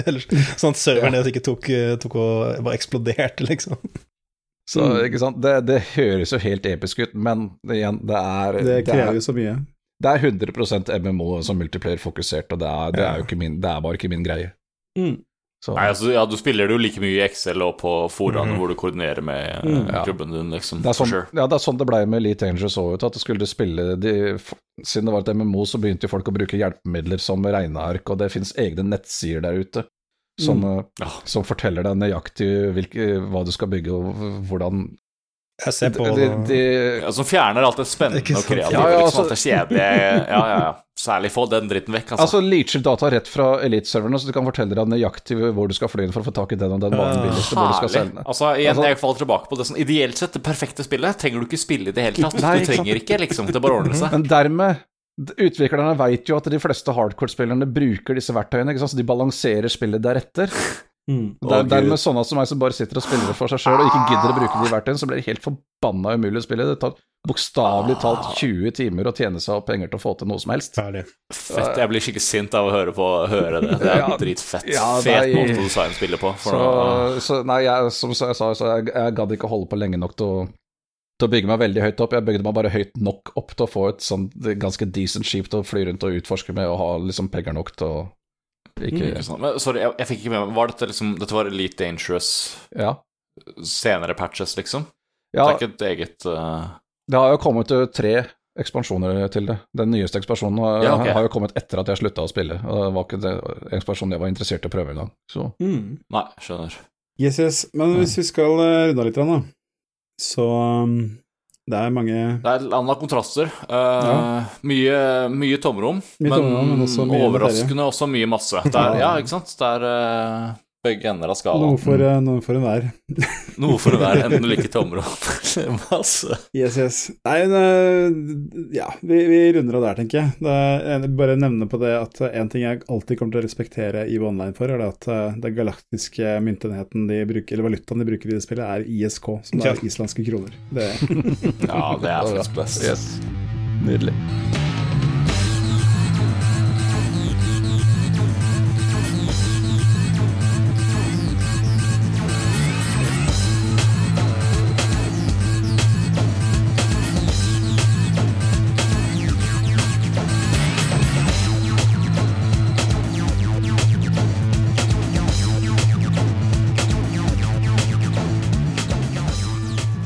Har jazzespalte, og her må vi Sorry, jeg, sorry. Jeg, jeg hopper kjapt tilbake. Galaxy, var det noen som spilte det? Det høres kjent ut. Nei, faen er det Jeg har ikke spilt det, jeg har hørt om det, men jeg har ikke vært borti det, nei. Nei, ok. Jeg men også. På Da er den, det ingen som kommer til å huske det. den lykkelige enden går videre til jazzespalten. Ja. yes, vi må, vi må ta, ta med lyttebidrag, for det har vi fått inn. Da, ha, da, da går det på, på ros i dag. Gjør det det? Rein ros. Har vi fortjent det? Eh, Jeg, siterer. Hei, går rundt på jobb og lytter. Så går det opp for meg etter 30-40 minutters prat om fighting sticks. Var ikke denne episoden om CRPG? Dere er Ja. jaggu digresjonskonger. Hilsen Molmen. Hei! Der har vi det, rett fra en hengiven lytter. Vi er konger. Det syns jeg vi skal feire, altså. Og Ja. med altså. Hei. Molmen. Takk for innspill. Ja, ja. Ja, uh, leit å høre at ikke du har større forståelse for, uh, for, uh, for CRPG-er enn at du skjønner hvordan det starter med Fighting Six, men det er jo derfor vi er her, da, for å informere. Derfor, Yes. derfor combaten i Yes. Skyrim føles så teit ut. Det er fordi du spiller den med mus-tastatur, ikke med fightstick, sånn som den er ment å gjøres. Sånn Som Gud mente at det skulle gjøres, ja. Du hører jo selv at Det det blir urimelig. Faller på sin egen Jeg urimelighet. prøver Jeg prøver faktisk av og til å få styrt folk tilbake på temaet når jeg har gått litt langt til sida. Ja, det, det, men det, det er liksom sånn Det er litt kontroversielt, syns jeg. Det er eh, Ja, ja. litt uetisk. Uansett, uh, ja, fin uh, Shout-out til Molmen, han er en fin fyr. Jeg har prata mye, Ja, med ja, ham på, mye på Spell sin Discord, og han er småaktiv på vår Discord også. Så Ja, det er jo. hyggelig minspill. Hyggelig minspill. Men altså, det er, det, er ikke, det er liksom ikke sånn at vi får gjort noe med disse, hvordan disse podkast-episodene blir. Altså, det er eh, ut av våre hender, så det er totalt. Så det Dessverre. Yes. Det er noe som på en måte bare skjer, da. Ja. Det er liksom det, når du på en måte er i eh, smeltedigelen, og det koker rundt deg, da får du ikke gjort så mye. Men um, vi sveiper innom Terje også, tenker jeg. For du har jo litt på plakaten som kanskje er verdt å nevne. Ja, vi ville jo ta opp en tråd fra forrige episode som vi ikke fikk tid til å gå gjennom. ja, har vi tid denne gangen, da? Vi går litt kjapt gjennom, gjør vi ikke det? Aller først så vil jeg nevne at eh, jeg har jo vært eh, utro igjen. Så jeg har vært innom eh, hos Spell sin podkast og tatt opp en episode med de. Så Samme her. ja, din er ikke ute ennå, så Nei, den er ikke. så det snakker, om, det snakker vi om neste gang. Ja, lenger enn det, tror jeg. 2025, kanskje. Ja, kanskje det. Nei, uansett, vi tok for oss den japanske plattformen MSX. Mm. Og snakka litt utfyllende om den, så Ja. Så vi kaller deg bare for MSX-Terje. Ja, de begynte å gjøre det. De, de sleit faktisk å få tak i en gjest som har, noe, som har greier på MSX og var villig til å stille opp på podkasten. Mm. Og jeg kan jo ikke si at utover det at jeg er bare interessert i litt gammel sånn datamaskinhistorie generelt, så har jeg ikke videre sånn inngående kunnskap om MSX-plattformen. Eneste jeg vet om MSX, men, er at eh, det er de originale Metal Gear-spillene våre. Oh yes. Men ja, eh, siden jeg fikk tilbud om å De liksom spurte om kan, hva gidder du, for eh, ingen andre gidder. Og du, du har litt greie på det, så ja. Jeg fikk eh, pugga MSX som fan i noen dager, og så er jeg blitt erklært til Norges MSX-ekspert av dem. Så nå er jeg, nå er jeg MSX-terje, tydeligvis. Ja, jeg håper du Mm. nevnte klassikeren Oh Shit, som jeg har faktisk spilt på en MSX. Jeg tror ikke den blei snakka om, dessverre. Ble ikke det, altså? Det er for de, som, for, for de par-tre stykkene som ikke har hørt om Oh Shit til MSX, så er det da Pacman, bare at når du dør, så sier spillet Oh Ah, shit! det er den, ja. Det er, that's it. Men uh, det blei faktisk en bra episode ut av det. mm. Synes jeg den har fått blitt, eh, har hatt ganske bra med nedlastinger, har jeg fått høre. Så folk liker den. Der ser vi. MSX-serie slår til igjen. Jepp. Så er det noen messenyheter, er det ikke det? Det er det. Skal vi snakke om at uh, vi har vært på Ja. retromessa? Det var en liten ekskursjon. Nå begynner det å bli en stund siden, da, men så er det ikke akkurat ferske ja, nyheter. det. det er jo ikke akkurat det. Det er en måned siden nå. Er liksom, det er ikke akkurat fri, friskt i minne lenger, eller. Men uh, retromessa ble arrangert i Sandefjord igjen, og det var helga 19. og 20. august. Mm. Mm. Og Nøyaktig en måned siden. Yes, så de eh, drar jo inn eh, De får jo ganske mange kjente gjester fra både inn- og utland til å være der og holde paneler. Og det virkelig store trekkplaster i år var jo at de faktisk fikk eh, Nobu Ubatsu til å komme fra Mm, mm, Japan. mm. Og ikke bare ha panel, men også konsert på kvelden. Og, Det Er det lov å kalle ham Norgesvenn nå, eller? Hæ?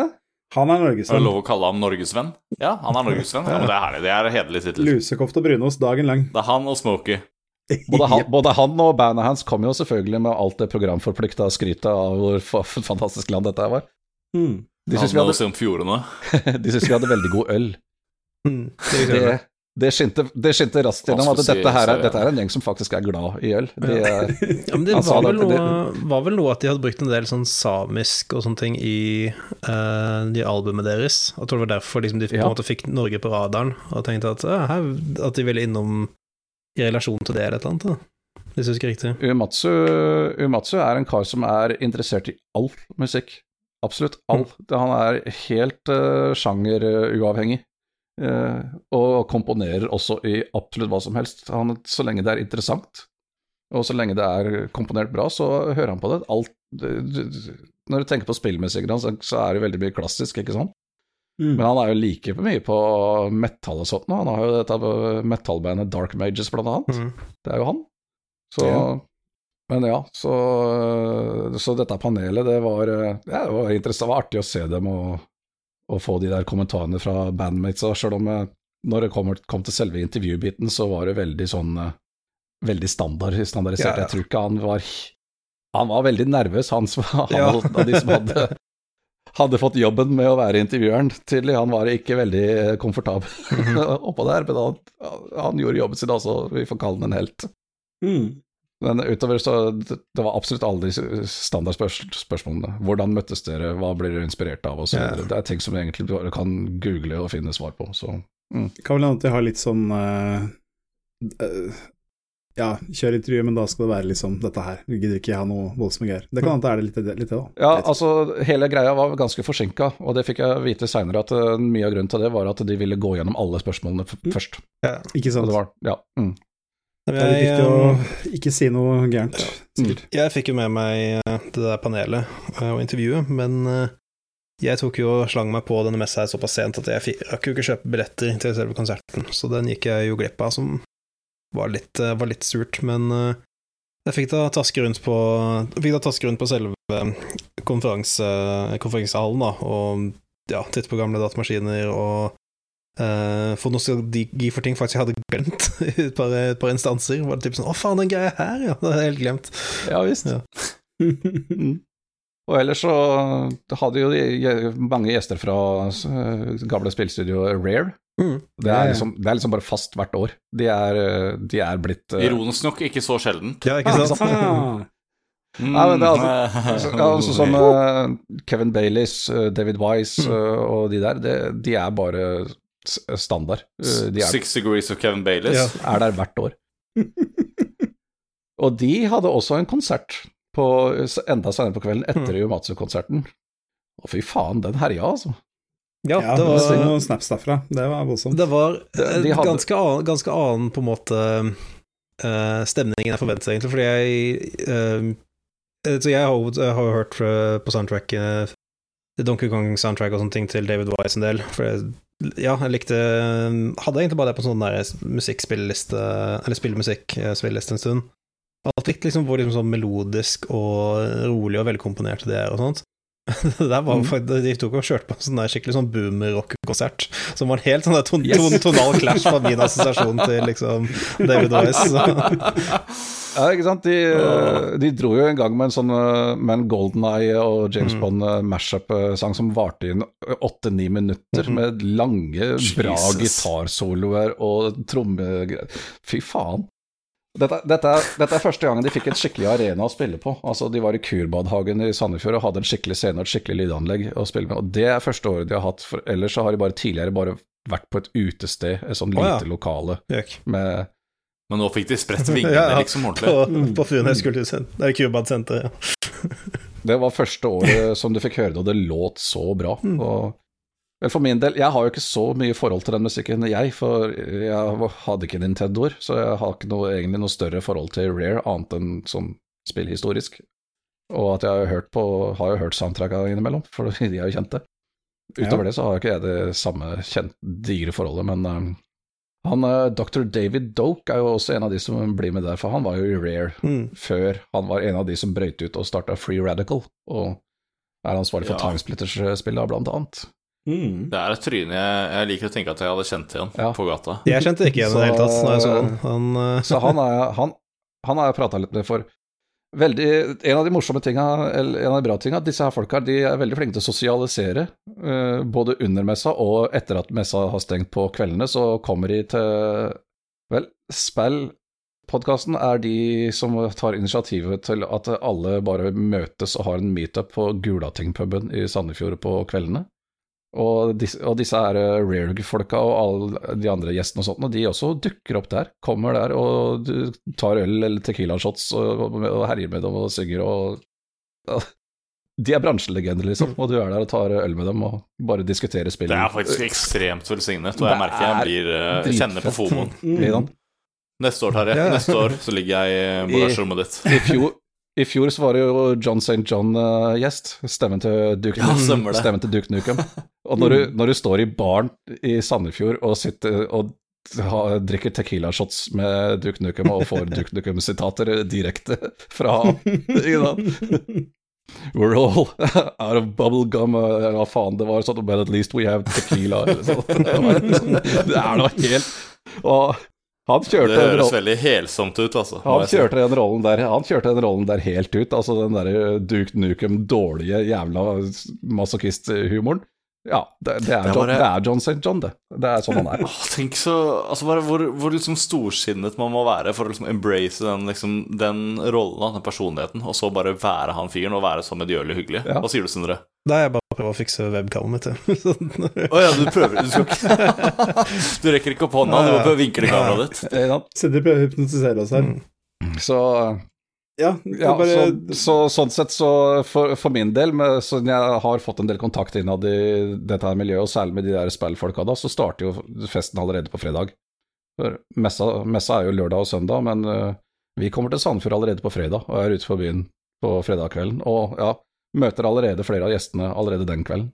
mm, Jævla gærninger. Så Helt Neste år, neste år er jeg med. ja, ja, det, vi, vi må, da jeg gjerne tilbake dit igjen eh, neste år også. Eh, hadde- hadde vi må få flere spillegal, vi må få flere Vi sier, fra, til og med, vi sier jo til og med ifra bare på forhånd, vet du. Ja, så er møter crazy. vi fanskaren vår Jeg, jeg, Alle fansene. Jeg snakka om dette allerede Alle. Jeg om dette på podkasten allerede i februar-mars, det husker jeg. At det, nå er det annonsert, det er den og den datoen. Bare bestill hotell fra fredag til søndag med en gang. Yes. Og heller avbestill hvis du bestemmer dere for ikke kunne. Mm. Så Mm. Det eneste er at det er akkurat skolestart, så det er vanskelig, men ja.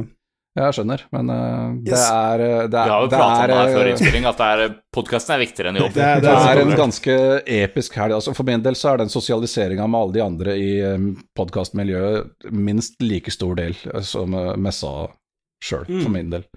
Mm. Yes. Men bare hvis vi skal tenke at nå har vi holdt på i eh, litt over to timer, skal vi hvis vi, vi har jo litt andre Nei, nei, jeg vil ikke tenke på det. Nei, ikke greit, la meg være tenke på det, men eh, vi har en annen sånn messerelatert sak. Jeg, Ja, har, jeg har jo sagt at jeg skal bli med deg på messe, Tarjei, men jeg vet egentlig ikke hva den messa går ut på. den er, eh, det er jo, den er jo ikke den er, Det er jo en mye, er mye mindre messe enn den i Sandefjord, for å si det Ja, med ja. en gang. Mm. Men eh, ja, det er han og Håkon Puntervold som også ja, er i den spillpodkasten, sjøl om Mm. dette er ikke Det er hans greie, ikke en spillgreie. Det er han og en annen som heter Jens Olav Bakkland, som arrangerer en spillmesse i Kristiansand. Rett, eh, det er ved en stor hall som heter Sørlandets travpark, det er rett ved Sørlandssenteret der nede. Ja. Hva, hva heter messa? Heter den bare Spillmessa i Kristiansand, liksom? Ja, den heter Spillmesse 2020. Hvis du, du finner Facebook-sida hvis du søker Sø- Spillmesse 2023 i Kristiansand. Så, mm. Mm. Den eh, skjer lørdag 21. oktober, så nøya- om nøyaktig en måned. Yes. Yep. Så da blir eh, jeg å dukke opp der, antar jeg. Ja, så der, eh, der eh, De har ikke inn eh, gjester og paneler og sånt, og sånn som Retromessa i Sandefjord har. Så dette her er en eh, messe som det er, det er utstilling av alt mulig rart av maskiner. Salgsboder, arcade-maskiner, pinball-maskiner, retromaskiner. Mm. Og that, det, er det, det er det, stort sett det den messa der vil være. Ja. Ja. Og eh, selvfølgelig, siden eh, det er eh, den andre tingen han driver med der nede, som er High Score Arcade Club, som arrangerer pinballturneringer en gang i måneden. Mm. Mm. Det, det er de som vil stille ut sine pinballmaskiner der på messa, så da blir det selvfølgelig en pinballturnering på kvelden Vel, etter vel, messa er over. Der òg. Yes, yes. Yes, og det er alltid gøy å være med på. Ja. Jeg er skitdårlig i pinball, men uh... Jeg er ikke akkurat videre drivende Respekterer spillet. ja. Det samme her. Jeg er ikke drivende dyktig, jeg heller, så, men det er gøy å delta. Ja, og jeg kan, jeg kan si at jeg har deltatt i to pinballturneringer og gjorde det overraskende bra, fordi selv om du er jævla god, så er det fremdeles ganske mye flaks med i bildet å gjøre, så noen, du, kan, du kan ha noen med 10 000 timer i pinball som driter på draget, liksom, og du seiler forbi.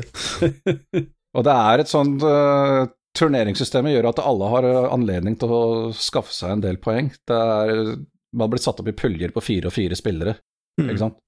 Så, sånn at, eh, og det, den, som, den som vinner i den pulja, liksom får syv poeng, og så er det fem poeng, tre poeng og ett poeng.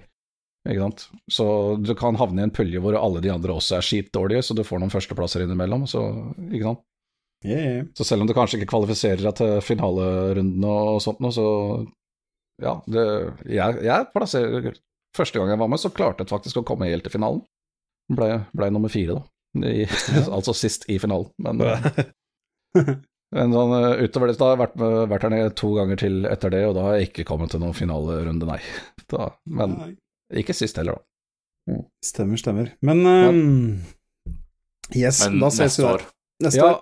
så bare si fra til alle som hører på. Det er Jeg og Trygve kommer til å være der nede på den messa, hvis det, Mm. noen faktisk skulle hatt lyst til å møte oss. Jeg, ikke at jeg vet hvorfor, men Jo, jo. Du møter de karismatiske personlighetene bak uh, podkasten Spillegal. Det er klart. jepp. Hvorfor ikke? Yes. Hvorfor ikke? Fins verre ting. Tror våre lytter med en good time. yes. Men eh, skal vi, skal vi begynne å eh, sikte oss inn mot at vi er ferdige for i kveld, kanskje? Det begynner å bli tida, føler jeg. Syns det høres ut som et bra sted å slutte på. Ja, jeg syns det. er det jeg, jeg er jo ikke, jeg er ikke 100 uenig, men jeg lurer på hadde det vært å røre ved den der Unity-greia. Ja, så det er liksom elefanten i rommet, da. Kinda. Eh, Jeg setter på, jeg setter oh, på timeren, jeg, så bare så vi kan styre Jeg oss selv. tenker mer at uh, Altså, det er veldig ferskt nytt, og det er veldig fristende å prate om det. Jeg mistenker at den saken kanskje har utviklet seg enda mer innen, innen neste episode, så da blir det kanskje mer å gripe tak i da. Ja, de Ja, har for jo skrivende tid så er det seks dager siden de, Dreit på de annonserte sin Ja, siden de annonserte sin geniale nye businessplan, som bare fikk hele spilleverden til å hate dem Det er jo en ganske genial businessplan for uh, Godot, da, så, og Unreal, for så vidt. Men eh, Veldig. Ja, ja, ja, det var som, jeg, altså, var som jeg kommenterte, at uh, Unity har klart å prestere å skyte seg selv i føttet jeg ikke visste de hadde engang. Mm. Ja, for kort forklart så har de vel de oppdatert liksom sånn uh, Hvis du bruker Unity til å lage spill, så, så skal de basically ha mer penger av deg for hver De skal ha penger for deg for hver gang det blir installert. Ja, og så har de ikke noe særlig god måte å tracke det på. Ja, ok, fordi basically uh, De har allerede en sånn lisensavtale hvor uh, det er en revenue share-modell Eller det er det ikke. Det er um, Mm. Det de har hatt tidligere, er at um, du kan bruke de forskjellige lisensene opp til visse nivåer, og så må du liksom sånn Hvis du selger over Altså, du kan lage et spill på Unity Personal, som er den gratisversjonen, uh, men hvis du ender opp med å bli stor nok, så forventer de at du oppgraderer til en prof profesjonell lisens. Uh, og hvis du er skikkelig skikkelig svær, så forventer de en sånn Enterprise-lisens som er enda dyrere, men da får du liksom kildekodetilgang og, og sånne ting som er, da. Uh, det har jo ikke vært en sånn kjempegod modell, egentlig, uh, for dem. Så eh, Unreal, for eksempel, har jo en revenue share-modell, hvor det er at hvis du tjener over en million dollar, så vil de ha tror det er 5 eller 10 eller et eller annet av, eh, av inntektene dine etter det. Det har liksom bare vært en sånn flat greie for hei, om du er Activision eller om du er Ola Dunk som jobber eh, på kjærlighetsprosjektet Ja, til garasjen, så er det samme greia. Ja, De som, de som, ja, som traver i de Mm. tallene, liksom. For det ikke er sånn her eh, indie dev som Ja, ja. Men det er mer at liksom samme regelen for både indie-devsa og for de svære, ikke sant. Eh, mens Unity Mm. bestemte seg for å lage en eh, fuckings matrise av bare absurde tall og vage mål og sånne ting. Hvor det er sånn type sånn her Hvis du har denne planen her og tjent så og så mye innenfor disse månedene, og det er sånn Det føles som en selvangivelse, liksom. Mm. Men det mest kontroversielle var at de bestemte seg for at de skulle basere det her på ikke på inntektene dine, altså penger du har tjent, men, Tjent ved salg, men liksom. på Ikke salg heller engang, men installasjoner. og, det er, og det er liksom der hvor folk er bare sånn Hva er det du prater om, hva mener du med installasjoner? Fordi Altså, for, som Trygve gikk på, hvordan i all verden er det man tracker det engang? Uh, Sånn Ja. De hev, Og det var jo noe de svarte på, for noen, noen, noen spurte dem direkte. Sånn, ok, Så hva med en fyr hater meg da, og laster ned spillet mitt, og så liksom installerer og avinstallerer det 100 mm. ganger, liksom. Hvordan, hvordan koster ikke det meg 1000 dollar, liksom? Og de var sånn mm, uh, Vi er ikke helt sikre, men det kommer vi til å ha en løsning eller, på, så ikke tenk eller, på det. Det eller piratkopiering, når folk var sånn type sånn Ok, kommer Ja. vi til å kommer, kommer piratkopiering til å telle? Og de sier uh, sikkert ikke. Vi er temmelig sikre på at vi har en måte å tille det på. Trust us, bro! Beste- det er så, det er så good. Beste eksempelet var jo da at uh, det var noen som uh, lagde et gratis um, uh, sånn spill for barn i Unity, Mm. mobilspill, eh, hvor penga Altså, det var gratis, det var ikke reklamer. så penga kom fra at folk kjøpte sånn in-app purchases Ja. for å få ekstra innhold. Og det, sa ja, etter regnestykket vi har satt opp, så kommer vi til å skylde Unity 20 000 dollar mer enn vi har tjent totalt i spillet. Ja, de vil ha 109% av inntektene. Ah. Mm. Jeg så devsa av Coated Lamb og bare svare Ja, ja, ok, men hvis det her skjer, så bare, så bare slutter vi å selge Ja. spillet vårt. Mm. Bare sånn, for Det er ikke noe poeng å selge Ja. spillet da, for da kommer vi bare til å selge gjeld. Ja, ikke sant, Yes. fordi det, det som er absurd med det, er liksom sånn Det er ikke bare det at de har en Altså, den policyen her i seg selv er jo helt teit, fordi sånn uh, Det er veldig opplagt at de går etter eh, mobilspill med enorme suksesser, ting som, som Genshin Impact og Heartstone og, Jeg og skulle Candy Crush si og sånne at også det at det kanskje hadde noe med type GamePass-installasjoner å gjøre. Ja. Altså som den delen av businessen. Men der sier de konkret at sånn Nei, nei, men da, det trenger du ikke tenke på. Det, det betaler Microsoft. Ja, det kommer de sikkert til å gjøre. Det er så bra! Det er så bra! Åh. Ja, Det er så- Phil, det var Phil Spencer bare får sånn der Bare får sånn der blodår i tinningen som begynner å pumpe, liksom. Han vet ikke hvorfor engang. Ah, det er dritfunny, ass. det, Nei, det det, beste, som, det, beste som er crazy, ja, det som er crazy med den greia her, er jo at det her i seg selv er jo en helt idiotisk metric å basere seg på. Men det som er ekstremt er at det er retroaktivt. Så det er sånn type sånn, Dette er ikke at spill som er lansert etter 1.1.2024, har den policyen her. De sier at nei, nei, nei. Alle spill lagd med Unity retroaktivt har denne policyen nå. Så hvis f.eks. du er Among us, uh, og, uh, og det er jo et spill som har enorm installasjonsbase, men veldig få folk som faktisk bruker penger på Altså, du, det er en sånn tip jar-type monetization, ikke sant, hvor du ja, ja, uh, slenger et par kroner her og der, ikke sant. de kommer til å bli rævkjørt av det, ikke sant. Mm. De må jo ha 100 000 ganger mer spillere enn faktisk betalende brukere, ikke sant. Mm. Det som, det som skal straffe Eller- seg å lage populære spill. Nå ble jeg plutselig usikker. Mange er gratis, er det ikke det? Eh, jo, Ja. Ja. det er gratis. Men eh, Ja. det som på en måte er eh, liksom elefanten her eh, for Unity, er det at eh, en av aktørene som har eh, eh, gitt, brukt Unity aktivt, er jo Nintendo. Mhm. Med sine veldig famøst eh, veldig chille advokatteams, liksom. Oh, ja. Så, som eh, Ja, dette går bra. Infamøst avslappende, tilbakeholdne De pleier liksom å la ting skli, og dette går bra. Vi bryr oss ikke om dette her. Det pleier Nintendo å tenke veldig sånn Var det, Det er definerende, vil jeg si, for dem. Var det ikke de som post, sendte en katana i posten til en eller annen publisher borte i USA for å true dem? Det, det er veldig, veldig bra. Det er Helt- eh, in fact, jeg velger å tro at det er sant. Ja, veldig sannsynlig. Nei, men Jeg så ja, eh, det, det, det er virkelig en sånn herre fantastisk harebrain. Sånn Mm. Dette er ikke populært hos noen. Bare en sånn perfekt Mhm. idiotisk avgjørelse. Det er, hva er det han heter? John Rizzitello? Han som er CEO? Ja, han, yes. han som også kjørte EA i grøfta. Vi Jo- altså sånn mm. Ja, bare en klovn av Mhm. dimensjoner. Hvis så vidt jeg kan forstå, er liksom en fyr som livnærer seg på å bare ta ting som funker, og så kjøre det i grøfta. Ja. Yes. Og så få sannsynligvis en fet payout for det. Nei, det er en Den business, der det. CEO-bouncen. Ja. Han som hadde de sitatene om uh, å uh, Hva for noe? Ta betalt for å lade i Battlefield. Ja, ja. Herlig, altså. Ja. ja det, er- det er eh, Nei, så det, det er vanskelig å se, liksom. Altså, de, de har jo Nå har du begynt å backpedale allerede. For det kom jo en sånn veldig kort liten kommuniké her om dagen som basically bare sa OK, vi vet vi fucka opp. Sorry, vi skal fikse det. Men uh, Men crucially mm, så var det ikke sånn at de sa at vi skal liksom gå tilbake eller endre det. Mm. Så vi skal liksom vi skal reworke det. Vi skal justere det Ja, ja. til liksom det er litt mer fordøyelig, da. Ja, det var Det er liksom bare Ja. Jeg tror, altså jeg sier som dette som jeg sier som med alle øvrige sånn her, når liksom maktposisjoner folk bare sånn utnytter folk. Altså Dette er mennesker, dette er ekte mennesker med adresser og kropper som man kan treffe. Det er liksom sånn Det er helt insane Mhm. måte å drive business på, ass. Nei, Vi ønsker lykke til. Ja, veldig. Vi ønsker Junter lykke til. Nei, det blir spennende å se, i hvert fall. Det er uh, vanskelig Altså, det, det som kontek Litt av konteksten her er det at uh, i mange år nå så har Junti vært go to spillmotor for indies. Mhm. Altså, du, du Skal du starte med spillutvikling, så starter du med Unity. Det har det vært i mange år. Men Mm. uh, dette kan jo være på en måte det som uh, fører til litt mer uh, konkurranse i det, det segmentet, da. Nå, altså, Ja. Det vil jeg tro. Mm. Altså, Godot er jo blitt nevnt. Jeg, har, jeg, har, altså, jeg liker jo å leke meg med å lage spill, og da har jeg brukt Unity mange ganger, men så har jeg gått over til Godot, for jeg syns den bare er bedre å bruke. Jeg liker den Mhm. bedre. Og, Jeg har brukt Unity siden det var Mac-eksklusiv software, liksom. Eh, altså versjon 2, basically.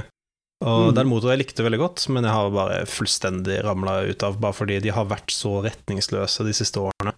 Og de bare Mm. fortsetter å liksom De fortsetter å liksom sånn jage etter mål som bare ikke er eh, relevante for spillutvikling. Det er sånn De kjøpte opp Beta Workshop, de folka som lagde spesialeffektene for eh, Ringenes herre og District 9 og sånt. Fordi de ville ha Ja, en de er sånn sånn- Hollywood-filmproduksjonssatsing, liksom. Eh, de sånn om- class Hollywood uh, Ja, ja. de med Iron Source eh, for noen år siden, som er et famøst sånn uh, ad-tracking uh, metrics-type software som ja, ble litt notoriske fordi de basically installerte spyware på maskinen til folk. Ja. Um, de er i godt selskap, altså, men det er, sånn, det er veldig tydelig at Unity pivoter over til å være et advertising-selskap som lager en spillmotor, i stedet for et spillmotorselskap som har noen advertising-armer, liksom. ja, De, de er et helt annet selskap enn de var for ti år siden. Ikke sant. Så dere den posten til Relogic, de uh, utviklerne av uh, Terraria? Ja, det bare Den. Fuck Ja. det. Nei, de, de, sa bare 'fuck dere, uh, vi bruker ikke Unity engang'. Bare nå bare gir vi noen millioner til Godot og FNA, som er sånn open source. Ja, De donerer 100 000 dollar til Godot og 100 000 til FNA. Ja, ja. Og så skal de donere 1000 i måneden bare konsekvent fremover. Bare fordi liksom fuck hvor ræva Unity er. Ja, men det er den Å, der, ass. det der um, De som lagde Slate Aspire, de hadde også en Ja. greie hvor uh, This is the first time we're making a public statement. This is how bad you fucked up. yes. ja, nei, det er uh, Altså, det er uh, Ja. Det er jo liksom tragikomisk. Det er liksom, du kan jo si at du har uh, Du har liksom Unreal Yashin-nisje. Altså, det er, det er en type spill du lager med Unreal Engine. og det er mange typer spill du kan lage med Unity. Mange du ikke kan lage med Mm. Unity. Jeg føler det at nå er det liksom Dette her blir kanskje det som er startskuddet på at nå, ok, nå kan vi slå til å lage en ordentlig open world indie-spillmotor, f.eks., som blir Ja. eh, vår greie. Eller at man uh, satser på noen mindre nisjer for andre ting. Det er også en mulighet. Det blir spennende i hvert fall, for de Mm. som ikke har uh, satsa på Unity som uh, sin teknologibase. Ja, men det blir nok spennende for de som har satsa på Unity også, Ja, tenker På Ja, på litt annen måte, bare. Mhm. Ja. Yes, yes. Jeg kom på en veldig bra, veldig bra kommentar fra vår venn eh, Josh Sawyer, eh, som Mm. sier at eh, Jeg tar det på engelsk, jeg. I love that there's a stream of updates from third parties that are all like Well, I talked to Unity and they clarified that one, the bad thing is even worse. Two, the less bad thing is the same amount of bad. And three, there's a new secret third bad thing that's the worst thing you've ever heard. Og det har basically bare vært nyhetssyklusen de siste fem dagene. Ja, det er, sånn, det, er, det er virkelig sånn tilfeller som jeg føler meg sånn her Wow, jeg er skikkelig dum. Jeg må være sånn fuckings sånn 80 IQ Ja, ja. guy som må ramle gjennom livet. Fordi jeg skjønner ikke hvordan det her skal lønne seg ja. å drite så jævlig i fanget, og så liksom sånn at Hele verden peker og ler på deg, på det du gjør. Det er presist akkurat du gjør på jobben din, og deg som person. Yeah. Og det skal, være, det skal lønne seg. Ja, men det er avslørt det er de, 4D-sjakk, er det de kaller det? er det ikke blitt avslørt at de dumpa alt av aksjer og sånt og de eide rett før denne nyheten sprakk og sånt? da? Det Altså, akkurat din den, jævla idiot. Tenk at du tror at det, du, du, du tror du vet noe. Du, aksjeverdier og Ja, akkurat? Du ser ikke det store bildet her, Terje. akkurat den delen der er litt sånn dodgy, syns jeg. Uh, fordi det er, det er jævlig strengt rundt aksjehandel uh, på sånne ting når du sitter på C-suite. Uh, Yes. Så jeg tror de er litt sånn oppe og overdrevne, de rapportene der. Men det er mest det rundt han selveste John Riccatello, da, fordi han han solgte 6000 aksjer eller et eller annet eh, noen dager før lanseringen. Men så Mm. sitter han på sånn Ja, men Asen sånn Man- 300 000 eller noe sånt. Ja, han har på 300 000, det er bare en, det er en margin, liksom, av det han har. Mm. Um, men en annen kar, da, han der eh, Iron Source-duden, uh, CEO-en av det, han tok jo og solgte all skiten sin før det her, da, så han er litt, uh, litt mer trøbbel. Oh boy. Yes, Men altså, det er litt sånn spekulasjon. Men nei, apropos, apropos nyheter om det her som bare fortsetter å bli verre og verre. Uh, bare i dag allerede så så jeg noen påpeke at eh, de har spurt om klarifikasjon om Hei, vil oppdateringer til spill telle som en ny installasjon? Og de fikk et veldig ikke svar på det, så det lover jeg. Holy fuck. For, det sånn, for selv om du liksom skal være så liksom sånn gavmild som mulig og tenke liksom sånn beste mulig utfall, da, så betyr det bare at liksom derre Å, faen, det har vi ikke tenkt på. Ja, ja. Og det er bare en jævlig dårlig ting å høre fra, liksom.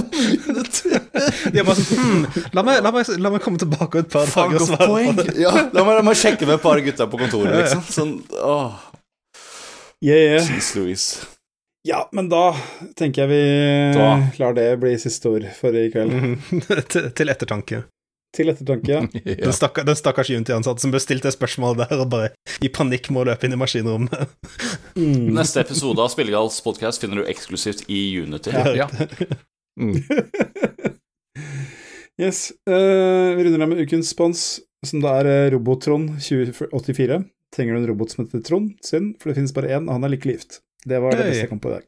Gratulerer, Trond. Gratulerer, Trond, med ekteskapet. Og Vil liker Robotron-referanser. Robotron, han er veldig fin. Ja. Yes, yes.